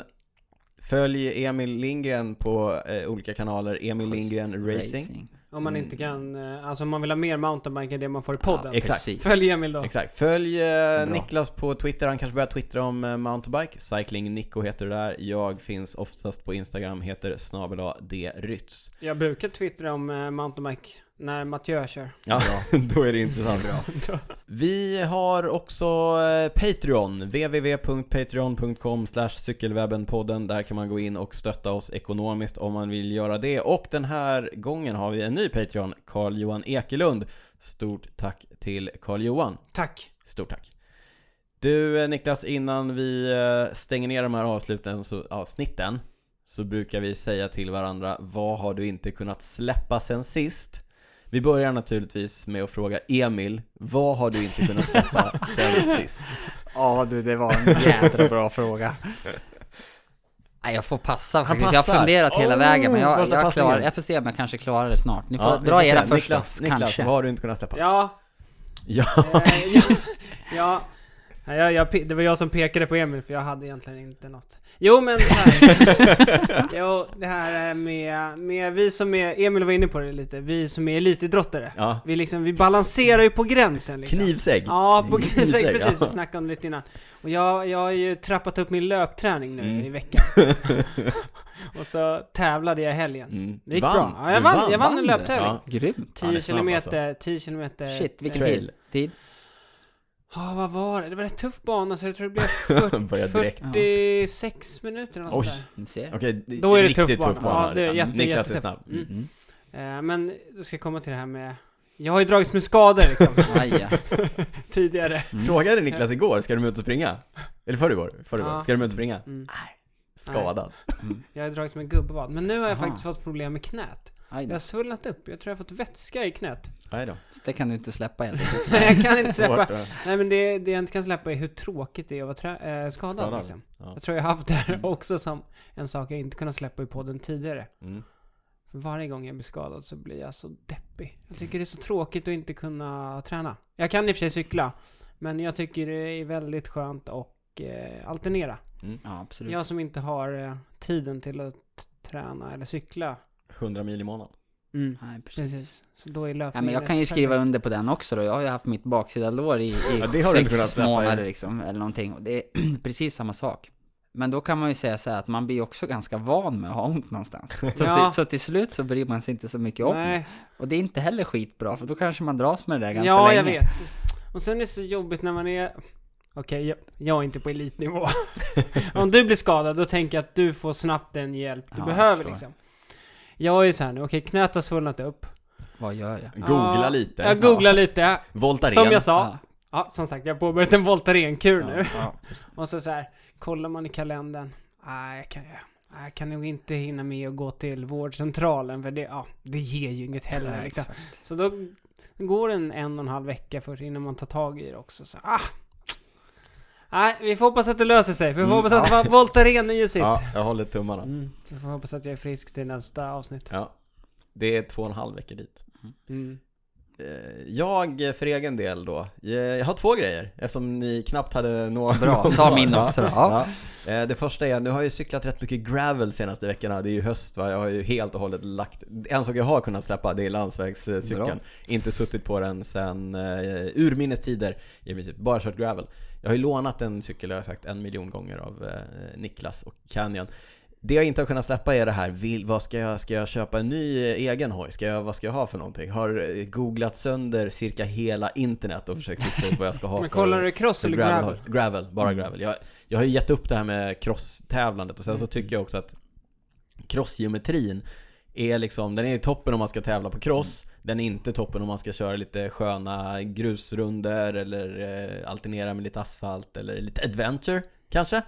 Så att eh, gravel-segmentet har jag inte kunnat eh, släppa. Mycket med det. Mm. Nummer två. Jag var på ett fruk- frukostseminarium i morse med Emil Lindgren, mountainbikecyklisten. Shit. Ja. Den äldre? Den äldre, den Wow. äldre. Det var, det, var, det var mycket bra. Eh, superintressant. Har ni möjligheten att eh, se Emil tala någon gång, så ta möjligheten. Det roliga var att Emil, du berättade din historia om eh, liksom, vad du har gjort som elitidrottare, vad du har eh, åstadkommit och lite grann tankar. Du pratar mycket om att hitta balansen i livet och eh, liksom träna på rätt sätt men att det är inte allt och så vidare. Och sen eh, så lämnade du över till eh, oss i publiken och frågade om det var någon som hade några frågor. Och då kommer det ofelbart de eh, här frågorna som folk är absolut mest intresserade av.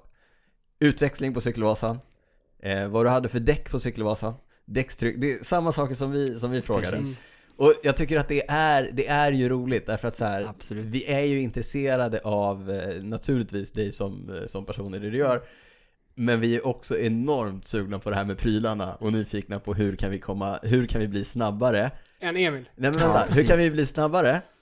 Genom att liksom bara köpa oss till det. Absolut. Alltså det är de snabba, det är de snabba lösningarna. Det är inte så här: okej, inte hur, hur gör jag för att hitta harmonin? Hur gör jag för att träna rätt? Utan det är så här: hur kan jag köpa mig till att bli lite snabbare på cykelvasan? Men det är Eh, coolt i sig. Alltså, det är coolt att säga att man också kan göra det. Absolut. Det är inte så att jag inte gillar prylarna, eh, så att det är inte det. Men, men eh, Det är, det är, nej men du har helt rätt, det är några av de mest frekventa frågorna jag får. Och som jag sa innan kanske är hur, en, en, en fråga jag får ofta, den här får jag så ofta så det, det är nästan som man kan ha ett standardsvar. Att det är, vad, vad gör jag för fel om, om jag blir trött i benet efter en och en halv timme och får börja få kramp liksom? Eh, typ så. Ja men du kanske måste träna lite träna till. lite mer. Och det, ja, man kanske inte vet om man har börjat precis. Att det, man tror att det är det för, så för alla, eller hur, hur det ser ut egentligen. Men det tar, eh, och det tar ju också år. tid. Det Ja, tar, det ju tar år. år Och det, det, det är svårt att förstå tror jag. Jag vet att när jag började cykla mountainbike på lite mer allvar, det är ju 20 år sedan nu då.